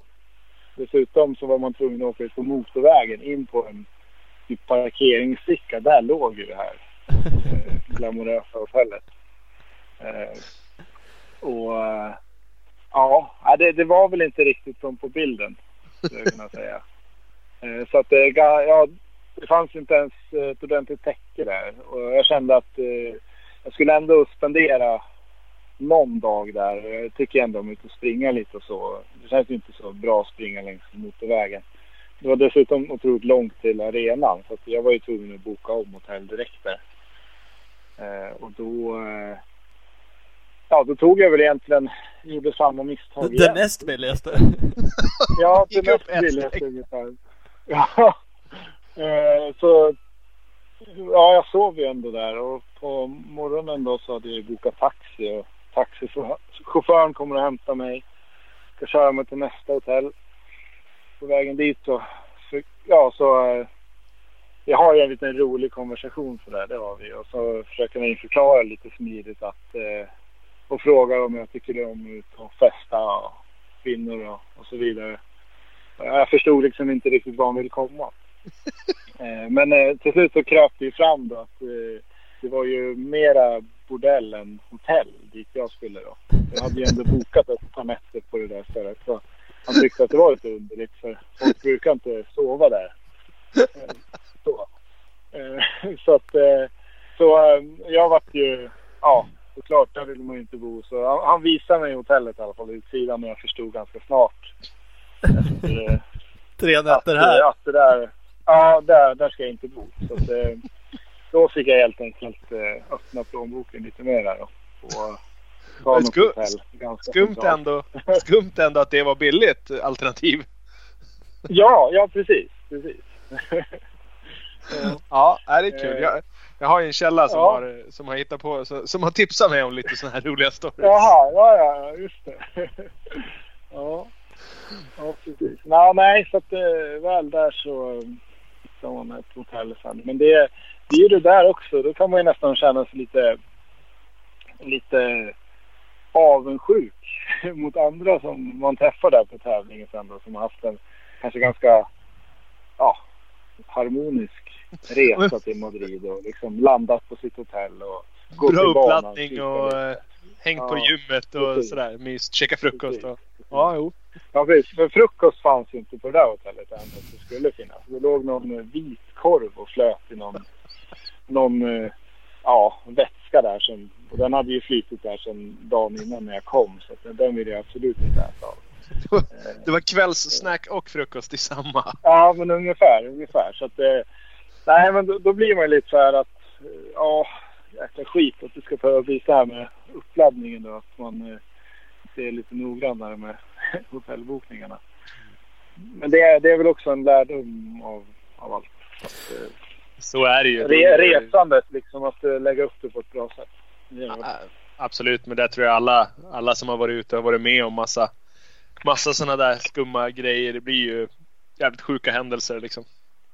Ja, precis. precis. Och sen eh, just det här med superenduron är ju så här. Det, det klarar man ju liksom av på en bas. Och eh, när man har haft den här möjligheten vill man helst kanske landa på fredagen. Flyga hem på, på söndagen. Mm. Själva tävlingen vill man göra så, så kort, alltså kort vistelse som möjligt. Lägga ner så lite pengar egentligen på allt runt omkring som möjligt. Bara vara där, fokusera på tävlingen, flyga hem. Det är ju, det är ju träningen jag har velat velat och, och försökt att liksom där vill jag lägga pengarna och, och tiden och energin då på träningen. För tävlingen, dit ska jag bara dit och köra de här två gånger sex minuterna. Sen ska jag åka hem. Så, ja, jag har ju försökt att liksom hålla ner budgeten så mycket som möjligt. Mm. Eh, genom att, ja, få korta vistelser på, på ställena. Ja, precis. Hur eh, EM? Du, du nämnde VM eh, något för sig liksom. EM då? Vad är det för eh, nivå? Nu är ju uppenbarligen du halvhändig Eh. på det där. Är alla... Är de grymma liksom? Ja, men alltså, ja, om vi börjar, börjar på VM då. För, för när jag första gången kom i kontakt med superenduron internationellt så var jag faktiskt iväg tillsammans med Martin Larsson eh, och körde ett VM i, i polska Lodz. Mm. Eh, och där, eh, Martin kvalade faktiskt in direkt där eh, till final vill jag minnas. Så jag fick köra sista chansen. Ja. Eh, vi hade väl, han hade väl lite bättre koll än vad jag hade på det där. Eh, jag, ja, jag hade faktiskt inte kollat eh, så mycket hur det fungerar. Eh, man kom väl lite med, man har ju lite motocross-bakgrund och sådär med, med start och sådär. Det, det funkar ju. Ja. Eh, men det, då, på den tiden var det inte så avancerat faktiskt rent tekniskt heller. Då kunde man egentligen som crossåkare komma dit och prestera ganska bra skulle jag säga. Eh, så det som händer i alla fall att jag kvalar inte in direkt utan hamnar i sista chansen. Eller andra chansen heter det kanske. Eh, är väl bland de sista i starten. Eh, lyckas klättra hela tiden så jag vinner sista chansen där och kvalar in till final. Eh, Då var det även ganska lite större startfält. Så då behövde man ju ändå kvala för att ta sig in till VM där. Eh, och väl i, eh, i de här tre finalerna så lyckades jag ta några poäng. I och med att jag inte varit sist i heaten. Så det var väl så det började. Och det här var ju 2016 kan det vara. 2015, 2016 säsongen tror jag. Så där eh, så var jag även iväg till Tyskland det året. Där kvalade jag inte in. Sen körde jag ingenting mer av det. Sen kom jag tillbaks året efter, körde väl en eller två deltävlingar. Eh, och sen ett tredje år så var jag tillbaks och körde, skulle köra alla europeiska deltävlingar. Ja. Mm. Så var det. Då märkte man direkt att nivån hade höjts eh, rent tekniskt. Då. Banorna var mycket svårare att köra. Eh, då jag minns jag kom till Bilbao där i Spanien. Där hade de gjort en vägg som var... Ja, den, jag tror lutningen var ja, 75-80 grader. Eh, 1,30 hög.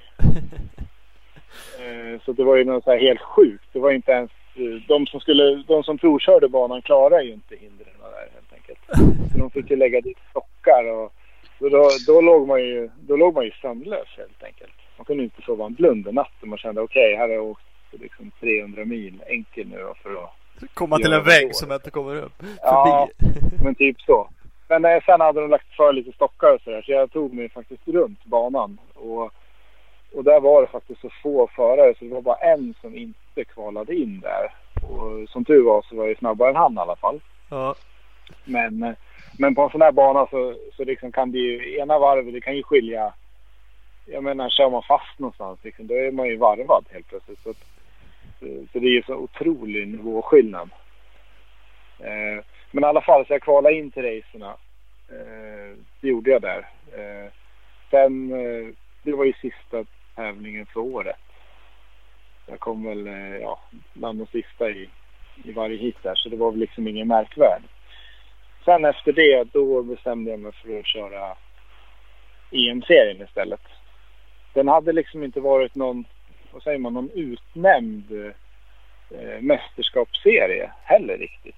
Utan det var, det var det jag såg efter där i Bilbao. Då såg jag, vänta nu, här är ju en prisutdelning för den här lightklassen som fanns.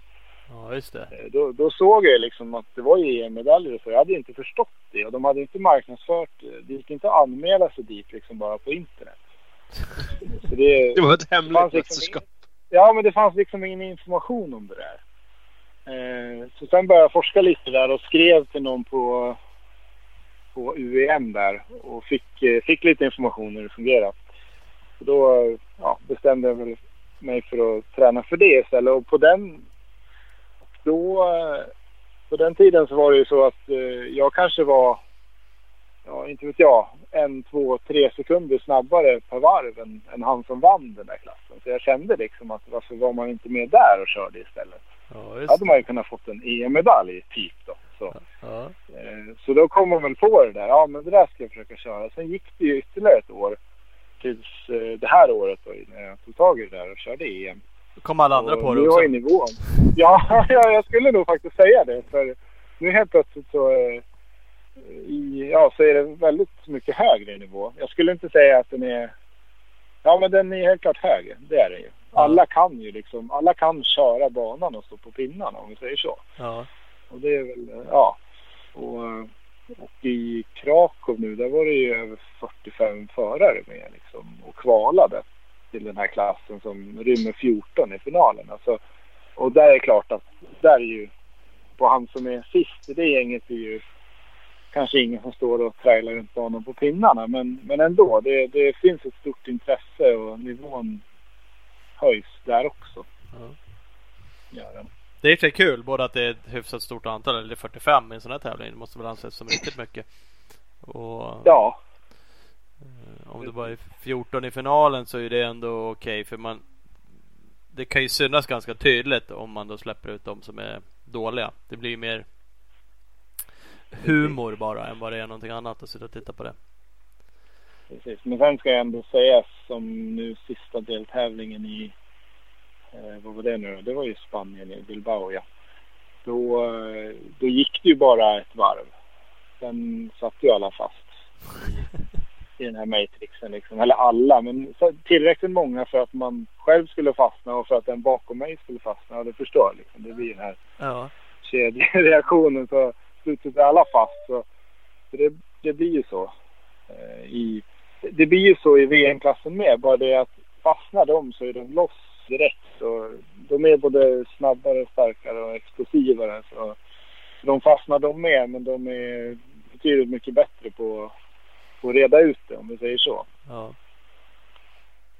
Eh, Man kan bara se till sig själv. Jag kilade fast med framhjulet i någon sten.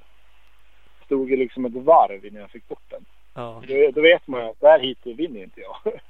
Eftersom nu är ett varv efter. Så det, är, det är så jäkla... Ja, det går fort. Det gäller att vara riktigt på hugget där. Apropå finalen då. Då skrev du till mig på Instagram också. Jag hade inte ens sett och fattade ingenting. Jag bara, vad händer? Den var ju lite intressant mellan uh, Colton Haker där och eh, Webb, Cody Webb. Ja, just det. Just det. Mm. Och Rui Gonzalez heter han så? Nej, vad heter han? Det är inte Nej. det. Fan, det är, cross, det är crossåkare. Eh, Alfredo, Gomez. Alfredo Gomez. Ja. Gomez.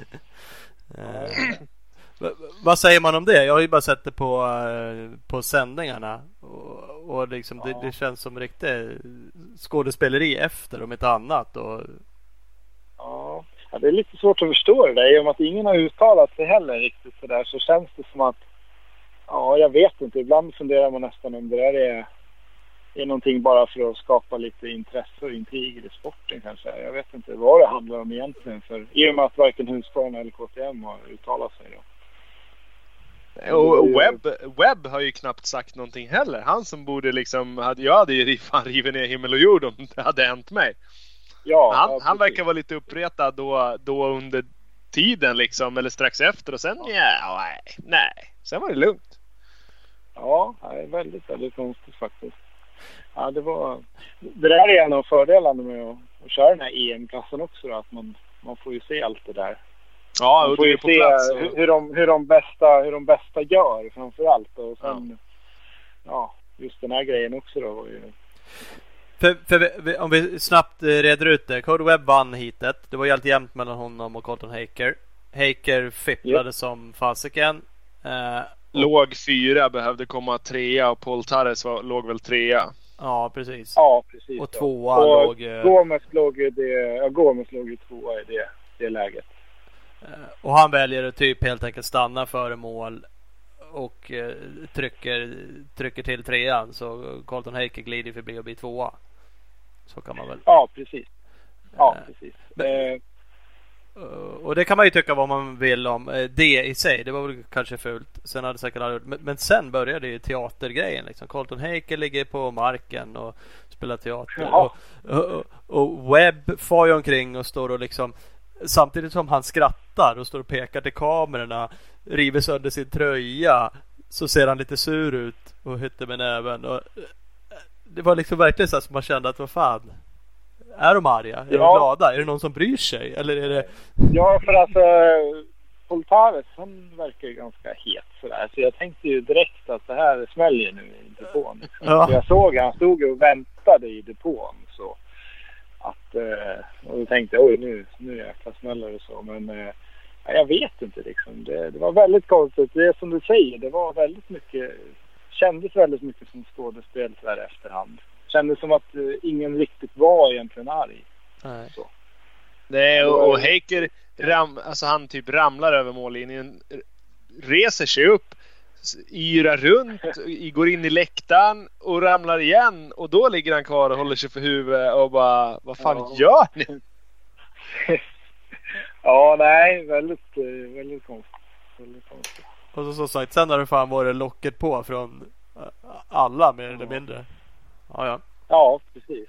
Ja, nej, det är konstigt. Det var jäkla massa kommentarer där ett tag. och Så.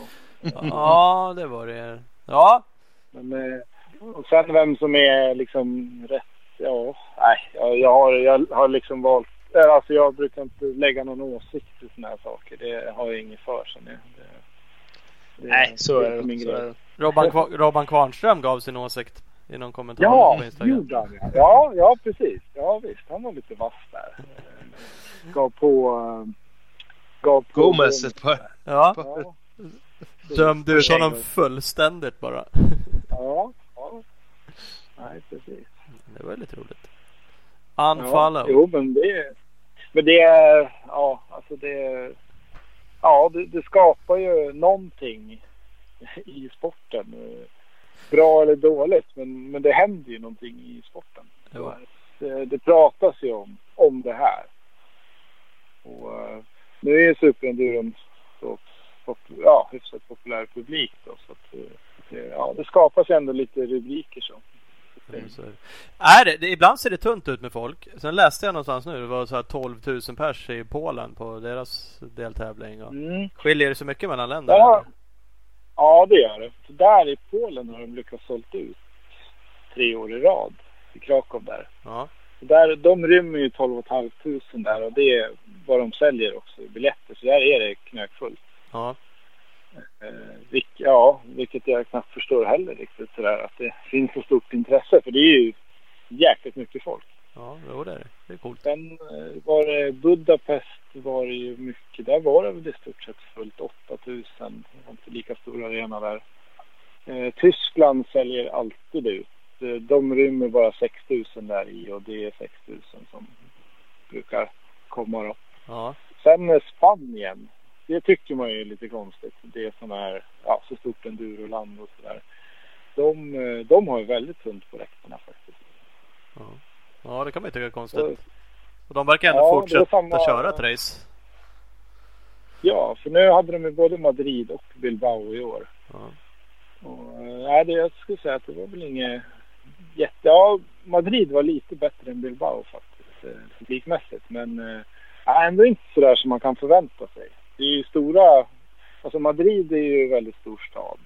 Så Mm. det, det borde ju finnas folk men å andra sidan vet jag inte hur det går med marknadsföringen. Om det inte är lika lätt att marknadsföra sig i de där länderna eller vad det, vad det beror på. För man ser ju ingen marknadsföring utanför arenan knappt. Det sitter någon såklart eh, skylten som är på arenan där, den här digitala. Där, där står det ju men man ser ju ingenting någon annanstans om man går runt i städerna där.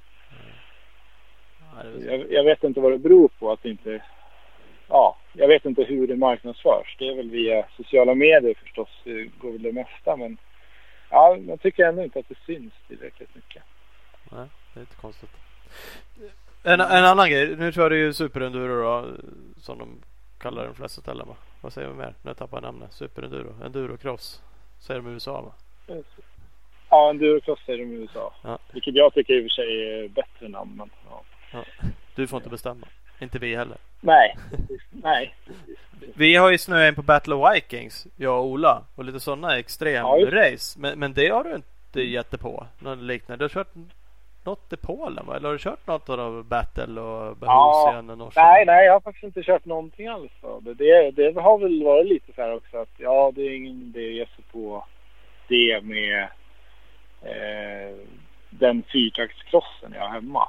Det, är väl lite så, så det har varit. Och det är klart att det är väl bara att byta den då och köpa en tvåtaktare istället kan man ju tänka. Men då har jag väl varit lite mer inne på jag har ju kört, jag har ju hållit igång och kört cross också varje säsong nu.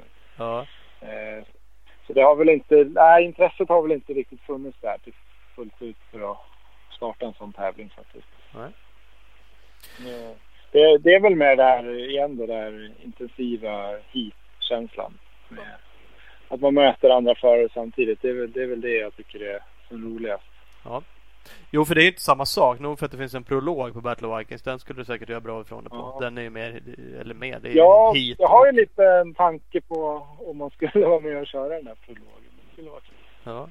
Bara prologen. Skiter i huvudtävlingen. Vinner prologen och sen åker du hem. ja, det får man väl göra. Ja, ja. Nej, absolut. Stå och kika. Ja. Kan du stå och kika på oss sen när vi står och svarvar i någon backe där. Precis. Jag vet inte, eh, har det kommit ut någon lista på vad det är för förare anmälda i år och sådär? Ja, det är, anmälan är öppen så att det finns nog att se. Eh, Jag har inte sett några Eh. tunga namn, några stora. Liksom, så. Nej. Nej, just det. För Mario Roman brukar väl vara där, va? Ja. Ja, han har ju varit med de senaste åren Mm. Just det. och vunnit. Han verkar ju hända på det Ja. där. ja, det kan man ju lugnt säga. Han, han åker en del. Ja. Helt klart. En eh, annan sak eh, vi måste diskutera så är det ju superenduro-SM. Ja, vad händer där? Det kommer väl är- nu va? är- Ja, fast det inte, eh, verkar inte vara i samma, eh, ja, samma form som tidigare med SM-veckan då, dock. Eh, Nej, det ju klev de väl av. Det, förra året blev det ju ingenting. Nej, precis, precis. Så det var ju otroligt synd. Mm. Eh, Men i alla fall så kommer det tillbaka i Karlskoga i år. Ja, just det. Och, eh, så, men det kom, ja, ja, min åsikt är att det kom ut väldigt sent. För det var väl några veckor sedan det släpptes tror jag. Och så var jag inne och kollade idag. För jag var lite chockad över att det, det kom ut. Att det kom ut överhuvudtaget att det skulle vara ett SM. Jag visste inte det. Eh, sen såg jag det där och så anmälde jag mig direkt. Och nu råkar jag säga att jag var fortfarande den enda anmälda. Är det så? ja. Kanske vi ska anmäla oss då Ola, då är vi på pallen. Tvåa, trea, Men tråkigt. det, ja, det var, men det är fortfarande en månad kvar. Så vi får väl hoppas att folk hittar dit. Det- Mm, ja. Men Det- ja, jag vet inte vad det beror på. Om det är det att det kom ut lite för sent kanske. Eller att det helt enkelt inte finns något intresse. Jag vet inte vad det är. Nej, där diskuterar vi ibland. Och ibland undrar man om det faktiskt inte finns något intresse. För det har väl aldrig varit något Nej. superdrag. Inte ens när det var SM-veckan så har det varit jättemycket Nej, folk. Va? Precis. Jä- Nej, verkligen jättekonstigt eh, faktiskt. Eh, Det, det har ju som, som du säger inte varit direkt intresse. För där kan man väl säga också att de banorna känns ju som att vilken cross eller enduroåkare som helst. En enduroåkare åtminstone skulle kunna ta sig runt. Det är inte värre än små extremproverna på ett enduro-SM. Liksom. Lite. Nej, precis. Jag har samma åsikt där. Det är, det är fullt framkomligt för, de flesta faktiskt. Så det, det får vi väl hoppas. Fan, vi, vi gillar ju det här. Det är ju roligt med sådana här. Vi körde en inbjudningstävling. Det var ju det Ja. också med Hallstavik. Bara en inbjudning. Det är ju kul med sådana här Ja. eh, publikvänliga lite jippo. Eh, vilket det blir liksom. Den här typen av tävlingar. Ja, precis. Precis. Ja, nej men det är, det är jättekul. Det är det. Det finns ju till och med en motionsklass där. Jag tror inte de delar ut SM-plaketter där, i den klassen. Men där är det tre anmälda. Så där kanske vi precis missar pallen då. Fan också. Typiskt. ja men då kör vi SM-klass. Ja, Ja, direkt. Då har vi, då har vi för fan SM-medalj. ja, precis, precis. Ja. Ja. Sen hade de, eh, de hade lagt det här på två dagar också. Det är väl för att de har ju någon, eh, någon ma- marknadshelg där i Karlskoga. Ja, det är väl därför de lag ut det på två dagar. Vilket kanske heller inte är så intressant för folk. Och, alltså för förare att sitta på en eh, grusplan i Karlskoga i två dagar. Det kan ju vara, kan ju vara det också. För jag, jag kan ju personligen tycka att ett, eh, ett, en superenduro-tävling ska vara avklarad på ett par timmar. Kan jag känna. Man kan komma dit eh, någon timme innan och sen drar man efter liksom. Det- ja, det kan man Och eh, upplägget här verkar ju vara att på lördagen kör en tidsträning 15 minuter. Max 20 föråtgångar. Så då får du alltså åka 15 minuter och sen får du köra ett kvalhit på tre varv. Ja, det var det du fick göra på lördagen. Sen eh, får du gå på marknad. Så eh, det är, alltså jag, jag ska inte sitta här och kritisera dem. Men jag kan tänka mig att det kanske är en möjlig orsak till att, eh, att folk också känner att ja, det är inte lika intressant kanske. Ja, då hade man, nej, då kan jag tycka då kanske upplägget skulle vara SM ena dagen och en inbjudan andra dagen med lite, eh, inte fan vet jag då. Köper lite prispengar Lokala då. då. kändisar. Ja, någonting som gör att man håller kvar folk om man vill liksom och kör två dagars två tävlingar. Men Ja, precis. tvingas vara där. eh, Det tycker jag knappt cross-SM kanske borde vara på två dagar och då är det en jävla massa klasser och hit och träningar och grejer. Kanske man ibland också skulle mosa Ja, ihop och bara köra en dagars. Men eh, Ja, mm, nej men precis. För det, det är väl det som, som också någon möjlig orsak till förare kanske inte kommer. ja, Det- de, de det är kanske en ändrar det. ypperlig- Ja, för det är en ypperlig, alltså superenduron som så är ju en ypperlig eh, publiksport. Och- Om man gör det i rätt format skulle jag säga. Med väldigt Ja. kort tävling, ett par timmar. Och då är det intressant både för förare och publik att komma dit och köra sitt och sen drar man liksom. Ja men Det- så har man ju känt då när det var SM-veckan och faktiskt tv-sändes och då tyckte man varför inte fler med? Bara få chansen och då körde de en massa intervjuer. Folk, man fick stå där med sin tryckta Mm. tröja och en keps och alltså det var ju liksom Det finns inte så många tillfällen att synas. Eh, I TV Nej, med, med teamgrejerna på sig. Nej. och det Precis. var väl Nej, jag tycker det var jättebra. Rätt bra tittarsiffror. Så att det, det, vi får ju uppmana folk att gå in och anmäla till SM. Då kanske de slår ihop Ja. det. kanske bara blir en dag. Och framförallt så är ju fler som anmäler sig ju det, brukar ju sporra andra så att det i alla fall blir ett race. Ja, så känner de fan den jävla Nyström ska vara med. Det är ingen idé. Ja, Nu har jag Ja, listat precis. ut. Det är så det Nationellt hot. EM4 vet du. Då är det Ja. kört. Ja, ja. Man vet aldrig. Tänk om det är så. Nej, man vet aldrig. Eh, Det var det ditt fel för att du anmälde så jävla tidigt. Ja, ja precis. Du får ta, dra tillbaks den och sen efteranmäla dig. Ja, ja men typ. Får göra det. Den, den smällen får jag ta. Pengen. exakt. Ja, ja, ja, absolut. För laget. Ja, hörru, det var kul att prata lite grann. Vi ska, Ja, det är jättekul. vi ska runda så får vi... Ja, du, du borde vara med på Battle of Vikings. Vi försöker ju få med lite utmaningar här. Det får du ju faktiskt Ja. snäppa upp det och vara med och racea Jo, lite. men eh, jag har, eh, jag, har, eh, jag har det i tankarna så Mm. absolut. Jag vet inte vilket datum det är fastslaget nu att det blir. Eh, andra helgen i juli. Känns det som. Jaha, det är så pass. Andra Ja. helgen i juli. Juli. Fredag den... Nej, 13-14 är det. Prolog Okej. 13 juli och eh, race 14. Lördag, söndag. Kolla upp det. 13, ja. Ja, men det, det kan vara intressant. Absolut. Där kör du på en Det ska jag 350 kolla cross. Lätt. Ja, inga problems. Nej, Sta, stanna och blås på kylan ibland bara. Så. precis, precis. Ja. Nej, men det kan vara, det kan vara kul. Ja. Absolut. Ja, ja. ja, vi får se om vi ses där. Helt enkelt. Ja, Men eh, fan vad grymt. Då vi hörs Ja. av framöver. Kul att vi fick ringa och hemskt lite. Mycket för, eh, ja, tack så hemskt mycket för pratstunden. Ja, grymt. Vi tackar. Mm.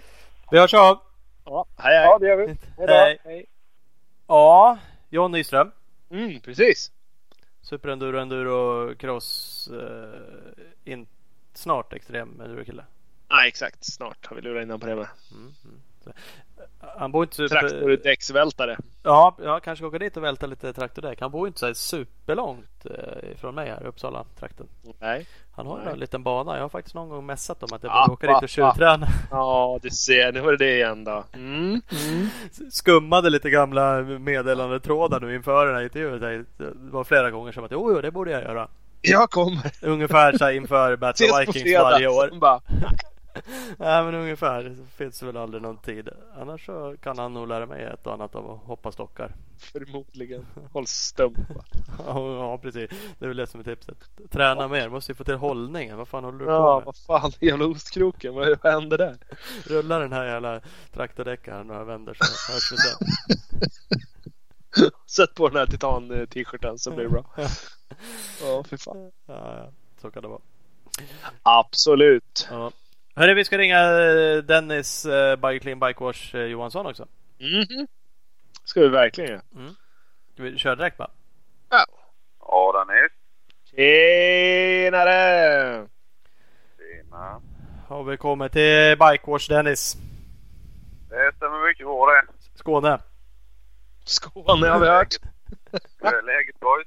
Det är fint. Hur är det själv? Gött! Hur är det själv? Är du ute och rensar avlopp? Ja, det var, blev lite stökigt innan men eh, jag hann ju färdigt med det som tur är. Ja, Bra. eh, in, innan ni ringde. precis. Det är ju... eh, Det är ju... Jag har ju ett vanligt jobb med. Jag sitter ju inte bara hemma i källaren och blandar tvättmedel. Nej, det typiskt. Det är bara på helgerna. Ja, precis. Fan, jag trodde du bara satt och räknade pengar. Men ja, ja. Ibland måste man ut och göra annat då. Så att det ser Jag ut gör som... det ibland men det, det går så fort att räkna dem så måste man jobba lite med. Ja, typiskt. Ja, men så kan för Vi kan ju komma in på det direkt. Varför börjar man liksom att göra ett eh, Bioclean Bike Wash tvättmedel till hojar? Men det är för att du kanske inte jobbar med det, men du hade någon leverantör va, som håller på med ett sånt där? Ja, det var ju... Jag är ju... Jag har ju ett företag inom fastighetsbranschen. Vi, eh, jag och min farsa har ett familjeföretag där vi tar hand om fastigheter åt folk. Vi äger inga fastigheter men vi tar hand om den yttre och inre skötseln. Mm. Eh, och det var ju sånt jag var iväg på ikväll, ett eh, avloppsstopp när vi snackades innan. Men, eh, och eh, i den fastighetsbranschen då så finns det ju en mängd olika medel man använder till fasader och tvätta, tvätta staket och rensa avlopp med och tvätta bilar och sådär ju. Eh, och då var vi ju återförsäljare åt Bioclean. Det är ju det som är deras stora grej. Det är ju fastighetsprylar egentligen. Mm. Så, eh, och han som eh, äger det bor ju i Vaggeryd där jag bor. Så eh, jag känner ju honom lite grann och, och så var det som så att jag köpte mig en ny KTM utav Fredde Werner. Och då snackade jag med Robban på Bioclean och sa det att nu måste jag ju ha något riktigt bra tvättmedel att ta hand om den här biken med. Ja men, ja sa han då kan vi, vi kan ju prova med, med det och det tvättmedlet och sådär och ja jag provade och Ja, det blev ju rent och bra men ja, nej, det var lite för vass. Så eh, det var inte riktigt som jag ville ha det. Så eh, då eh, tog jag mod till mig och frågade Robban på Bioclean om kan inte jag få ta fram ett eget tvättmedel till motorcyklar? Ni har ju massa grejer till hus och bilar och grejer men ni har ju ingenting till motorcyklar. Nej. Ja du, sa han, vad tror du på det då? Ja, det tror jag på, så Det finns jättemånga som smutsar ner sina motorcyklar varje vecka, så det tror jag på. Ja. Eh, ja, han, han var lite skeptisk var han till en början, men eh, jag övertalade honom. Och då så sa han det att, men om vi ska ta fram ett medel så måste vi ju ta fram en så stor... Alltså för att testa göra ett medel då så att det ska vara lönt så måste man ta fram 108 stycken 5 liters dunkar är det på en pall. Ja. Mm. Kommer du klara att kränga det, sa han. Ja, ja, så jag det. Om jag inte gör det så kommer jag ju ha jättemycket tvättmedel själv. Ja, det, har du rätt i, sa han. Nej, så vi provar, sa han då.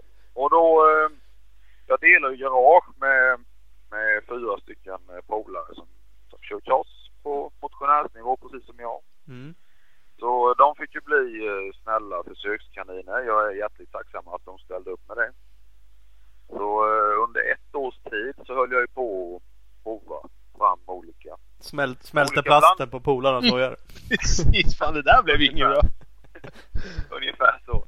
Men eh, nej men de eh, hjälpte till och tyckte till vad som var bra och vad som var dåligt. Och det går ju till så att Bioklin har ju ett labb och då skickar man ju vad man vill ha för funktioner och sånt i ett medel och sen så skickar de tillbaka ett prov och så säger jag att eh, ja men det här var ju bra eller nej det ska skumma lite mer eller ja det var bra men det luktar alldeles för mycket och så här. Så håller man på att bolla så fram och tillbaka och efter ett år och massa tester så fick jag fram en produkt som jag tyckte att jag kunde stå för. Och så eh, döpte jag den till Bike Wash då. Mm. Och, eh, och sen körde vi upp den här pallen då med 108 dunkar. Och eh, då hjälpte ju eh, Fredde Werner mig på Nilssons motor. Så då eh, tog han emot lite dunkar och sålde och gav iväg lite till kunder och jag gav ju iväg till lite kompisar och försökte få igång det här lite grann. Och eh, det gick ju rätt bra så jag fick iväg den här pallen. Eh, och eh, sen året efter så sålde jag ju nästan tusen dunkar. Ja. Eh, och skaffade mig eh, eh massa återförsäljare som ville sälja tvättmedlet sådär. Det var jättekul och många, många förare hörde av sig när de hade testat medlet eh, och ville liksom, ja, inte bara ha spons liksom utan det var kul för det var många som hörde av sig och liksom att jag har testat det här och det var riktigt bra. Kan vi, kan vi samarbeta på något vis- vis eller så här. Så eh, Micke Persson, enduro-kungen, han var rätt tidig ute med att eh, och, eh, ta kontakt och han hade ju fått eh, tvättmedel utav Danne på No Limit Suspension där uppe i Karlskoga-trakten. Eh, och eh, då inledde vi lite samarbete så hjälpte han mig med lite marknadsföring. Och sen har ju Oskar Olsson hjälpt mig mycket. Tim Edberg, Ken Bengtsson, Frans Löfqvist. Finns det en kille i Skåne som kör en duo som är jätteduktig på marknadsföring. ja, precis. Så eh, det, har blivit, eh, det har blivit jättebra. Så eh, jag har ju sålt över tusen dunkar bara i år än så länge och det rullar ju på jättebra. Så att jag är inte vara nöjdare. Snart sålt 108 pallar. Ja, precis. Nej, men det är kul att det har blivit så.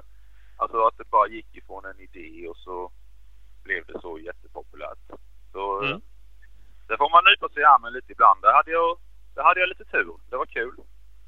Ja, men tu, nu samarbetar vi också lite grann så på ett sätt blir man ju partisk och jag ska inte heller för den delen säga att jag har provat alla avfettningar eller tvättmedel som finns. Jag har ju varit sån här som bara äh, jag har någon liksom prick bort eh, bilavfettning som man har kört med och tyckt att det är väl same shit.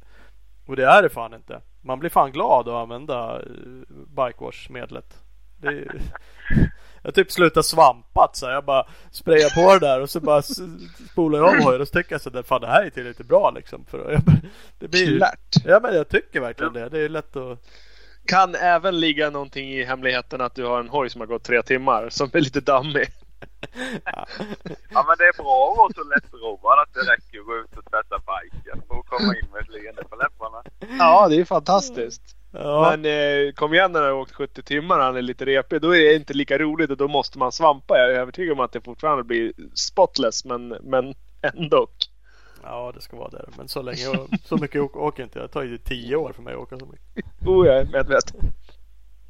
Nej, och det är ju som du säger, alltså det, det är ju fortfarande inom situationstecken bara ett tvättmedel. Det finns ju jättemånga bra tvättmedel och en del gillar bikewash och en del gillar annat och man kan inte vara, man kan inte göra alla glada men det är några som är glada och då får jag vara nöjd. Ja, men jag är ju en av dina återförsäljare. Jag har ju fortfarande inte sålt en enda dunk till någon som har sagt att ja, fast det här var inte så bra.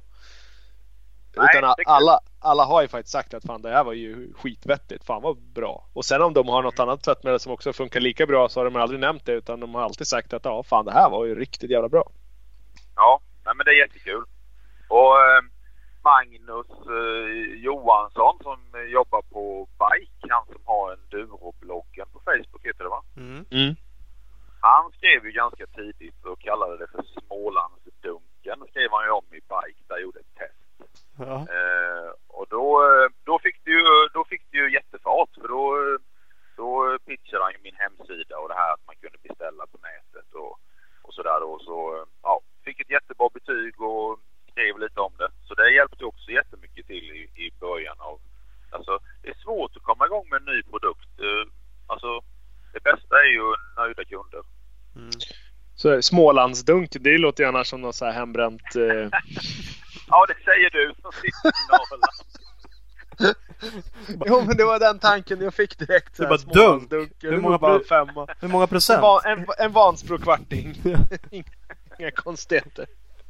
Ja, det har jag inte börjat med än. Eh, Nej, men jag nej. har ju, dunk, jag har ju dunkar har jag ju tomma. Precis. Men, Ja, Ja, ta känns gamla.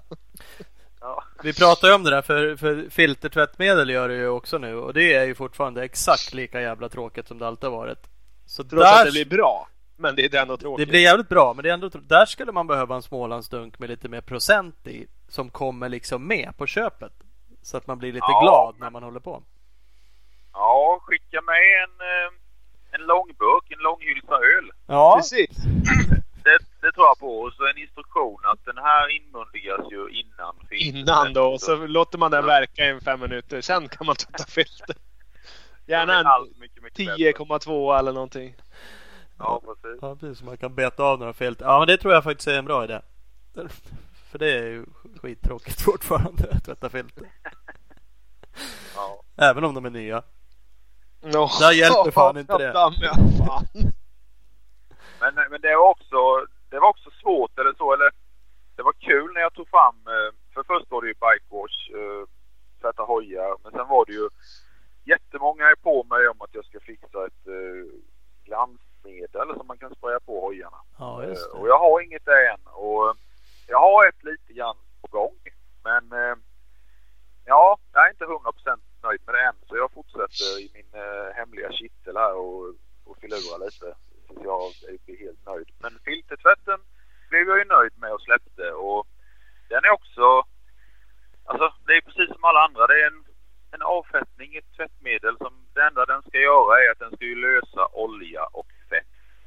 Eh, men utmaningen i den var ju att det får ju inte gå illa åt filtrerna. De är ju liksom ihopklistrade olika, olika lager beroende på vad det är för filter. Mm. Och då, eh, då var det likadant där. Det fanns ju inte så mycket att testa fram hur bra det var. För produkten som jag utgick ifrån var, den var jättebra men den luktade lite för mycket.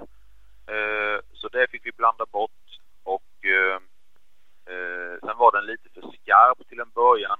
Så då ändrade vi lite grann i det. Så att den får absolut inte lösa upp några, ja, några limningar och te- alltså där filtren är ihoplimmade i de skarvarna. Så då hade jag test och så hade jag ett filter som låg i en månad i lösningen då.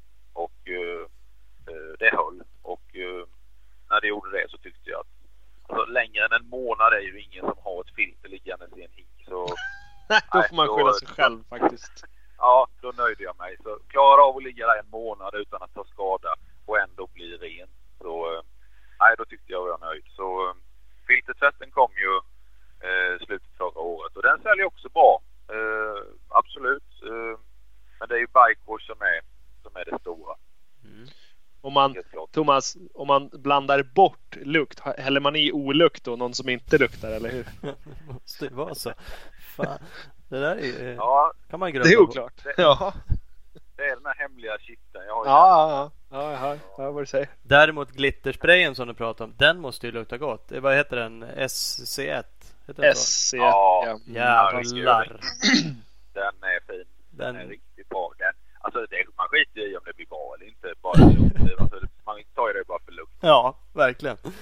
Så att det där har ju någonting. Nu vill man inte ta fram något som luktar exakt lika, men man vill liksom åt den feelingen som man får när man kör det. Man vill, man vill ju knappt slå sig in på den marknaden för att man vill ju den produkten så väl faktiskt. Det ligger något i det. Det är sjukt hur man kan känna så, men det är, så, det är korrekt. Ja. Mm, mm. Ja, du får jobba. Men eh, där har du ju någon form av eh, framtidsutveckling. framutveckling. Är det något annat du kikar på produktmässigt liksom, som kan, kan bli något? Ja, alltså, ja, jag har jättemycket idéer men som sagt det är svårt att ha eh, ett företag att driva på dagarna och eh, försöka och få allt det till att gå ihop. Det är ju jag och farsan och sex anställda. Och så, precis hur mycket som helst att göra i fastighetsbranschen. Lägga sten och gräva och dona. Och sen så, så det här får ju inte riktigt full fokus utan jag sköter ju det här lite grann på kvällar och helger och någon eftermiddag sådär. Ja. Så att eh, det är väl mest tiden som sätter, sätter gränserna så. Mm. Eh, är det väl. Eh, ja men det är ju så det brukar vara. Så att, som sagt. För det går ju att satsa ja, men dels på nya produkter. Eller för den delen slå sig in i andra länder. Eller fler återförsäljare. Eller bättre webbshop. Eller vad man nu vill. Det finns ju mer marknadsföring. Ja. det, som sagt. Idéer är säkert inte så svårt då. och jag skulle verkligen behöva jobba mer med det med. Jag ligger efter på eh, hemsidan. På hemsidan kan man ju gå in och beställa eh, varor och eh, då kommer de ju till webbansvariga och det är ju jag. Och sen så skickar ju jag över dem till lageransvariga och det är ju också jag. Ja. Eh, och så fortsätter kedjan så tills DHL-bilen kommer och hämtar dem. Men det jag är noga Och alla, med är alla, jag- alla är du. Alla steg är du i kedjan. all, alla steg är jag. Fan. Så Går inte att skylla det ifrån sig heller. det viktiga är att jag inte... Jag vill ju inte... Alltså jag konkurrerar ju inte med mina återförsäljare utan se att det är någon som beställer som bor i närheten av någon återförsäljare så tipsar jag ju dem om att eh, kolla på hemsidan. Där har du en karta på var återförsäljarna finns. För jag har ju samma priser som återförsäljarna och jag vill ju inte... Jag vill ju gärna slippa skicka dunkar. Jag ser ju hellre att de åker till återförsäljarna och handlar för det är ju de jag jobbar med och när de är där och handlar så kanske de handlar något annat. Alltså, det är ju så det funkar när man samarbetar. Ja. Så jag försöker ju att inte konkurrera med mina återförsäljare och jag borde verkligen ta mig tid att sitta och jobba med hemsidan och uppdatera den för jag ligger efter med, med återförsäljarkartan och allt det här. Men som sagt, det ja, jag borde ta mig mer tid. Det är svårt att få tiden att räcka till.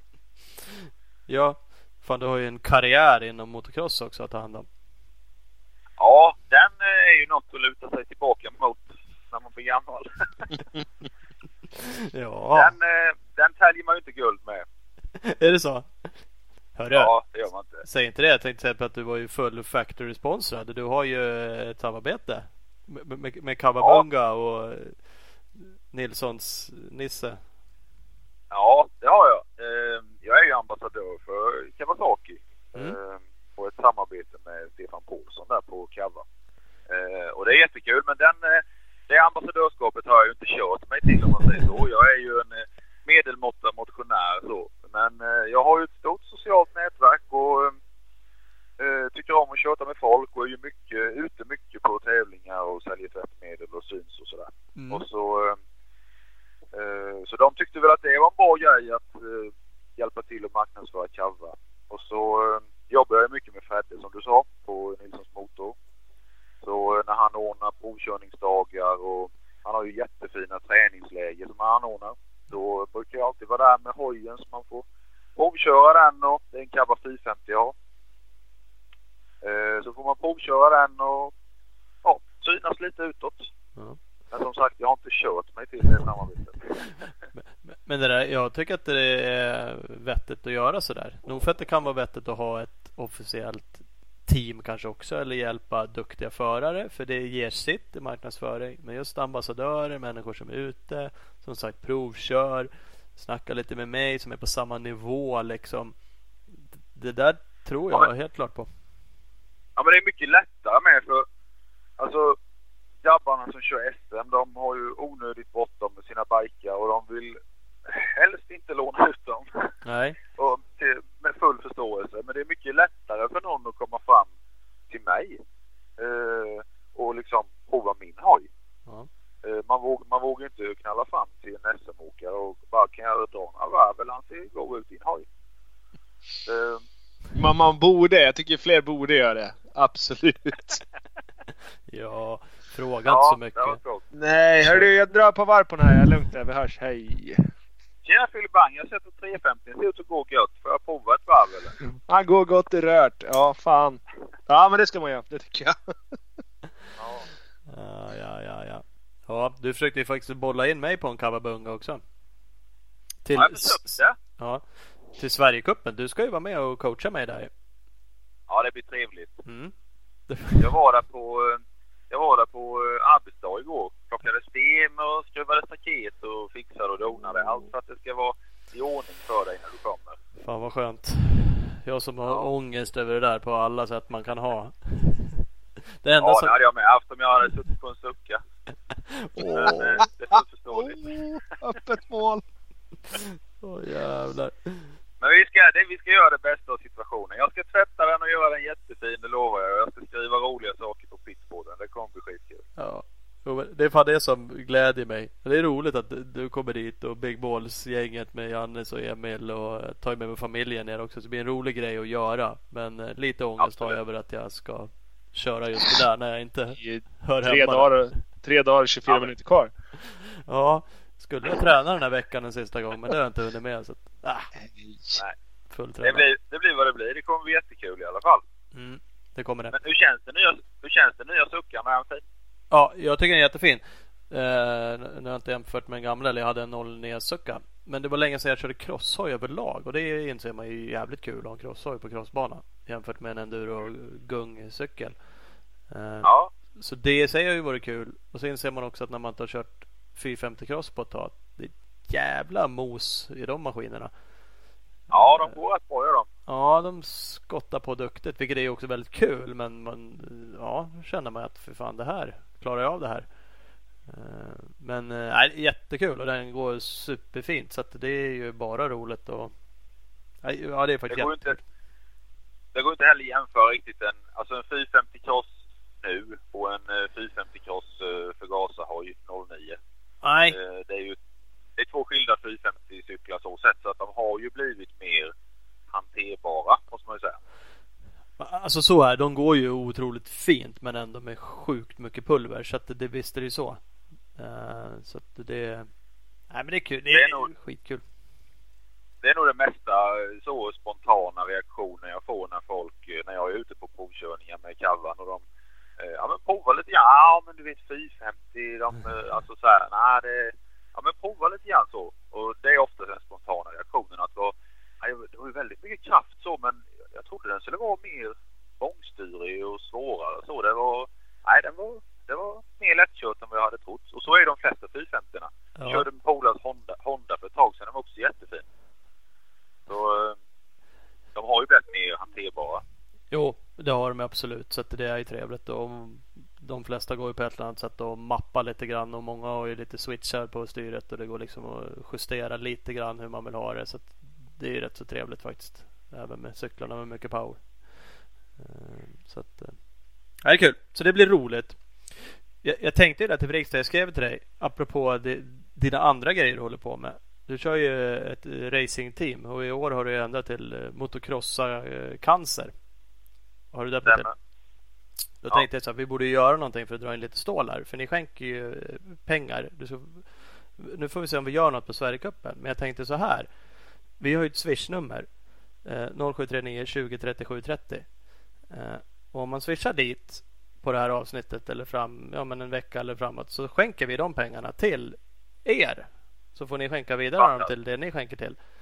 Eh, och så gör vi så här. nu- Jag har inte förankrat det här så mycket men om vi säger att om folk skänker då 500 spänn till oss så slänger vi på en tusing extra. Så kommer vi upp i 500 spänn Oj. som folk skänker. Då skickar klubben McStar in en, en lax på det där.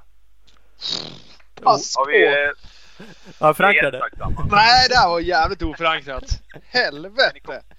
Kan ni koppla bort mig en stund och komma överens? Ja, vi kan gå in till buren här nu så ska vi snacka över det här. Jag lär gå upp och bryta bort lite... Nej, jag lär gå och vaska lite mat från mina barn och så. Men ja, ja, men det kör vi på. Det blir bra. Det är bara panta Nej, sjukvården. det- Självklart, självklart ska vi göra det. Det är ju eh, det är ju för en bra sak och det är ju, som du säger, lite av mina andra grejer. Som att man inte hade nog att göra så var det ju kul att starta ett team också. Ja, såklart. Eh, men eh, jag får ju energi av att eh, alltså, göra mycket grejer och göra grejer ihop med folk. Eh, jag är lite socialt eh, då. Jag tycker inte det är gött att vara själv och göra saker själv. Jag tycker om att göra saker ja, men, ihop med polare och kompisar och sådär ju. Ja. Så, eh, och det började ju med att alltså jag, jag hade ju mitt team Bioklin hette det innan. Eh, liksom, vi var ett gäng grabbar som körde motorcykel ihop. Vi tränade ihop på gymmet på vintern. Vi hade lite garage ihop och körde på lite tävlingar ihop och så höll jag dem med lite tvättmedel och så var vi ute och körde ihop så. Det var inte mer och så sålde vi lite sponsorplatser på, på kläderna. Eh, och så täckte det för kostnader för att köpa ja, likadana tröjor till allihopa så det såg lite teamaktigt ut. Alltså det var ren motionärskross bara för att det är kul. Men sen så eh, eh, förlorade jag min mor i cancer förra året. Eh, och eh, har ju varit eh, väldigt nere över det såklart. Ja. Och eh, det har varit tungt. eh, Men så satt jag och kollade på, på Cancergalan. Min eh, morbror var med och sjöng på Cancergalan och ja, satt där och grät i soffan och funderade på om man... Alltså, jag ville ju göra något. Jag ville engagera mig på något vis och så kändes det så att ja, man kan bli månadsgivare och ringa in så här men det kändes som att jag, kände ju väldigt mycket folk och jag tycker det är kul med projekt. Och, alltså, jag kan göra något mer på det. Och så eh, kom jag på det här med teamet då. Och så skulle man ju döpa någonting till motocrossa cancer så. Lite ordvitsigt sagt. Så det kan nog bli bra. Ja. Och så, eh, så då samlade jag grabbarna, eh, mina kompisar och eh, berättade den här idén för dem. Att eh, om vi kör ett team ihop som heter Motocrossa Cancer istället. Och så eh, hjälps vi åt allihopa. För innan är det bara jag som har hållit i trådarna med att fixa sponsorer och så här. Men om vi hjälps åt allihopa. Då, eh, då kan vi få in jättemånga mer sponsorer utan att jag behöver dra hela lasset. Och så säljer vi reklamplatser på tröjorna. Och så skänker vi hälften av alla intäkter till förmån för Cancerfonden. Eh, ja, alla var jättepepp på, på det och eh, ja, gick ut och pratade med jobbet där man jobbar och där någon kompis jobbar och raggade sponsorer och sådär. Så eh, vi har ju fått ihop så att vi kommer ju kunna skänka över 80 000 till förmån för cancerforskningen. Och det är Det är bra jobbat. Alltså, ja, det är bara hatten av till alla fina samarbetspartners som ställer upp och hjälper till och alla grabbarna i teamet som ja, lägger ner tid och energi och fixar och donar. Så eh, det är verkligen hur kul som helst. Mm. Ja. Så, eh, och eh, vi tar hjärtligt tacksamt emot eh, bidrag ifrån er om ni vill eh, göra någon sån swish-grej där. Vi är jättetacksamma och som sagt hälften av alla kostnader skänker vi till, till förmån för cancerforskningen. Och ett mål är ju att vara med på eh, Cancergalan. Det hade ju varit ballt att sätta motocrossen på, på bästa sändningstid och sladda in på en 450 på scen kanske. Inte en sucka då kanske, men det blir inte så bra reklam. Men en cover i alla fall. Eh, så eh, det hade varit eh, coolt att vara med på Cancergalan. Helt Mm. klart. Ja men det, visst, ja men det, ja så är det ju. Och som sagt uppenbarligen har ni gjort ett jävligt jobb hittills. Bra jobb. Eh, vilket är jättekul. Eh, både när man lägger tid på någonting och såklart eftersom det går till någonting eh, väldigt bra. Eh, det är alltid kul. Kul om man kan säga så med välgörenhet. Men det, det behövs och det är ju Ja, Det är väl roligt att kunna hjälpa till. Så, alltså det man vill lyfta fram med det här är att man, alltså när man är så många, vi är 16 eh, förare i teamet ju. Eh, och när man är så många så, så blir det ju inte så jobbigt. Om alla gör lite grann så blir det ju liksom, tillsammans blir det ju en jättegrej ju. Mm. Eh, och eh, kunna skänka som sagt över 80 000, eh, vi är sjukt stolta över det. Mm. Så, eh, och vi har ju en, vi har en Facebook-sida för, våran, för vårt lilla team. Så sök på Motocrossa Cancer och in och likea där så får ni se lite bilder på oss när vi sladdar hoj. Det är, det är jättekul med fler följare. Ja. Mm. Absolut. En utav, en utav grabbarna står ju på startgrinden på, på riksdag på lördag. Fredrik Gustafsson. Oh, jävlar. Ja, satan. Så ser du någon i, vi kör ju i, vi kör ju i rosa, blå och gula kläder för att symbolisera bröstcancer, prostatacancer och barncancer. Mm. Så eh, ser du att eh, det svischar förbi någon i rosa kläder så eh, sätt inte av honom då för han gör ju det för en bra sak. Och då blir du förmodligen varvad också när han swishar förbi. Ja, fan. Kör vi samma klass? Jag vet faktiskt inte. Nej. Jag åker han, för- åker, vad åker han för bike? 450 eller 250? Uh, jo, men ni kör ju samma. Krille åker ju 450. Honda Ja. 450 åker Krille. Jajamän. Så det blir spännande. Just det. Den jäveln ska få smaka. no mercy. Ah, Okej då. Nej. Nej men det är kul. Det är det. Jo men det är, jo men kul måste man väl kunna säga. Det är en rolig, bra grej ni gör. Eh, Det är kul att det går Ja. bra i alla fall. När ni eh, satsar på det och det kommer in pengar och det Ja, går det bra. Så att, Ja, det är jättekul och verkligen fantastiskt att man blir, alltså alla samarbetspartner, att de verkligen, det har, det har, inte, varit, det har inte varit någon som har tackat nej utan har man presenterat den här idén och man har förklarat vad det handlar om så alla har varit eh, hel på. Så det, ja, det är jättekul verkligen. Nej fan vad grymt. Kul, kul. Det är en kul grej. Det är kul att du eh, har gjort Bikewatch-grejen. Lite miniserie om svenska företag som gör grejer kring cross Ja. och enduro. Så att, eh, eh, det är roligt. finns, det finns ju några, några stycken och det var jättekul idé att ni tog fram det här med, med svenska företag. Det var ju sjukt intressant om, eh, eh, vad heter de, Airmos. Det hade jag inte en aning om att det var svenskt. Nej, du ser. Det var, det var jättespännande. Och likadant alltså Tony Dahl har ju köpt eh, jättemånga dekalkit. Det gick ju som sagt åt några dekalkit när jag provade fram mitt tvättmedel. Ja. Han är ju jätteduktig. Eh, så det var superkul. Sen är det svårt att vara med i en podd när Tony Dahl och Patrik Erlandsson har varit med i avsnittet innan. De har ju ganska väl smort munläder båda två. Men Ribban är lagd liksom, känner du? Ja, jag vet att jag lyssnade på, på avsnittet med Patrik Erlandsson så, eh, så sa, så det var du Thomas som sa att eh, ja, vi ska börja runda av här lite grann. Så tittade jag på telefonen och bara, ska ni redan runda av? Så var det 27 minuter kvar. Så, ja, det är ett långsamt farväl. Men han är sjukt rolig att lyssna på eh, Patrik. Han är jättekunnig. Han har mycket roligt skvaller för det, här, så det är alltid kul när han är med i podden. Jo, men det är ju det. Så att det är ju surrar på. Jajamän. Ja. Nej, kul. Mycket roligt. Hörru, vi ses, eh, vi ses ju snart. Vi ses på fredag så går vi banan. Mm, det ska vi göra. Gött. Hitta alla jeansspår. Oj, det blir grejer det. Nej, fan vad grymt. Det var kul att prata med dig. Detsamma grabbar. Ja, Tusen, tusen tack för det ni gör. Det är ett nöje varenda gång det kommer ut en ny podd att lyssna på. ja vad Tack, roligt tack. att höra. Tack. Tack. Ha Ha det bra då. Ses Ja. helgen. Ja, det gör vi. Hej hej. Hej. Tja. Hej, hej. Bioclean Bikewash Dennis. Yes box. Mm. Hörru, vi ska runda omedelbart. Mm, Eh, tycker jag. Och då ska vi nämna några av våra samarbetspartners. Det borde vi göra. Eh, Det ska absolut göra. Eh, Och med oss har vi Skottsport Sverige.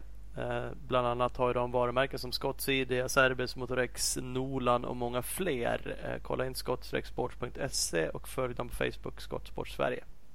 Jajamän. Med oss har vi också Opus Bilprovning. Över 80 stationer i Sverige. Från Kiruna i norr till Helsingborg i söder. www.opusbilprovning.se Och vi har Husqvarna, absolut bästa motocross-endurohojarna på marknaden. De följer ni på Instagram, Husqvarna Motorcycle Scandinavia. Jajamän, och vi har ju som bekant Bioclean Bike Wash. Vi precis snackat med VDn där och lagerchefen och ja, allt vad det nu var. Klart bästa tvättmedel har de till din cross endurobike. Kolla in dem på Facebook. Man kan även beställa tvättmedel på deras hemsida www.bikewash.se. Yes, vi har Speedstore, bästa butiken i Valbo utanför Gävle. Speedstore.nu och speed-store på Instagram. Jajamän, och vi har enduroskola.se som bara nya avsnitt upplagda igen. De bara dunkar på hela tiden. Ta chansen genom att signa upp dig på den grymma enduroskolan. Ta del av bland annat Jocke Ljunggrens tips och tricks, lappen Nilsson också. Så kan du förutom att spara 10% genom att använda värdekoden MXSTAR även supporta oss för att eh, gör man exakt det så får vi lite kickback. Så det är ju fantastiskt. Anmäl dig, använd koden. Det är så enkelt. Gjort, gjort, gjort. Eh, vi har också CEC Motorcycles. Det är Tibro MC Service och Cross Enduro-kompaniet som blir nya CEC Motorcycles bestående av just de två butikerna. Eh, de har ju märken som Yamaha, Honda, Suzuki, Kawasaki, KTM, Husqvarna. De följer in på sociala medier på just CEC e, Motorcycles. Precis. Vi har One Gripper, sadelöverdraget med det absolut bästa greppet. Finns nu också i WIT. Pass på. www.onegripper.com och vi har Big Balls MX, den fantastiska butiken i Växjö. De är ju nu också Honda-handlare utöver Suzuki och GasGas. Eh, så in i butiken, köp en bike. Eh, BigBallsMX.com och BigBallsMX på Instagram. Yes, och så sist men inte minst har vi Speed Equipment som är din KTM, Suzuki, Honda GasGas-handlare i Vänersborg. www.speedequipment.se eller Speed Equipment på Facebook. Fin fint. Nu säger vi tack och hej. Yes, det gör vi. Hej då.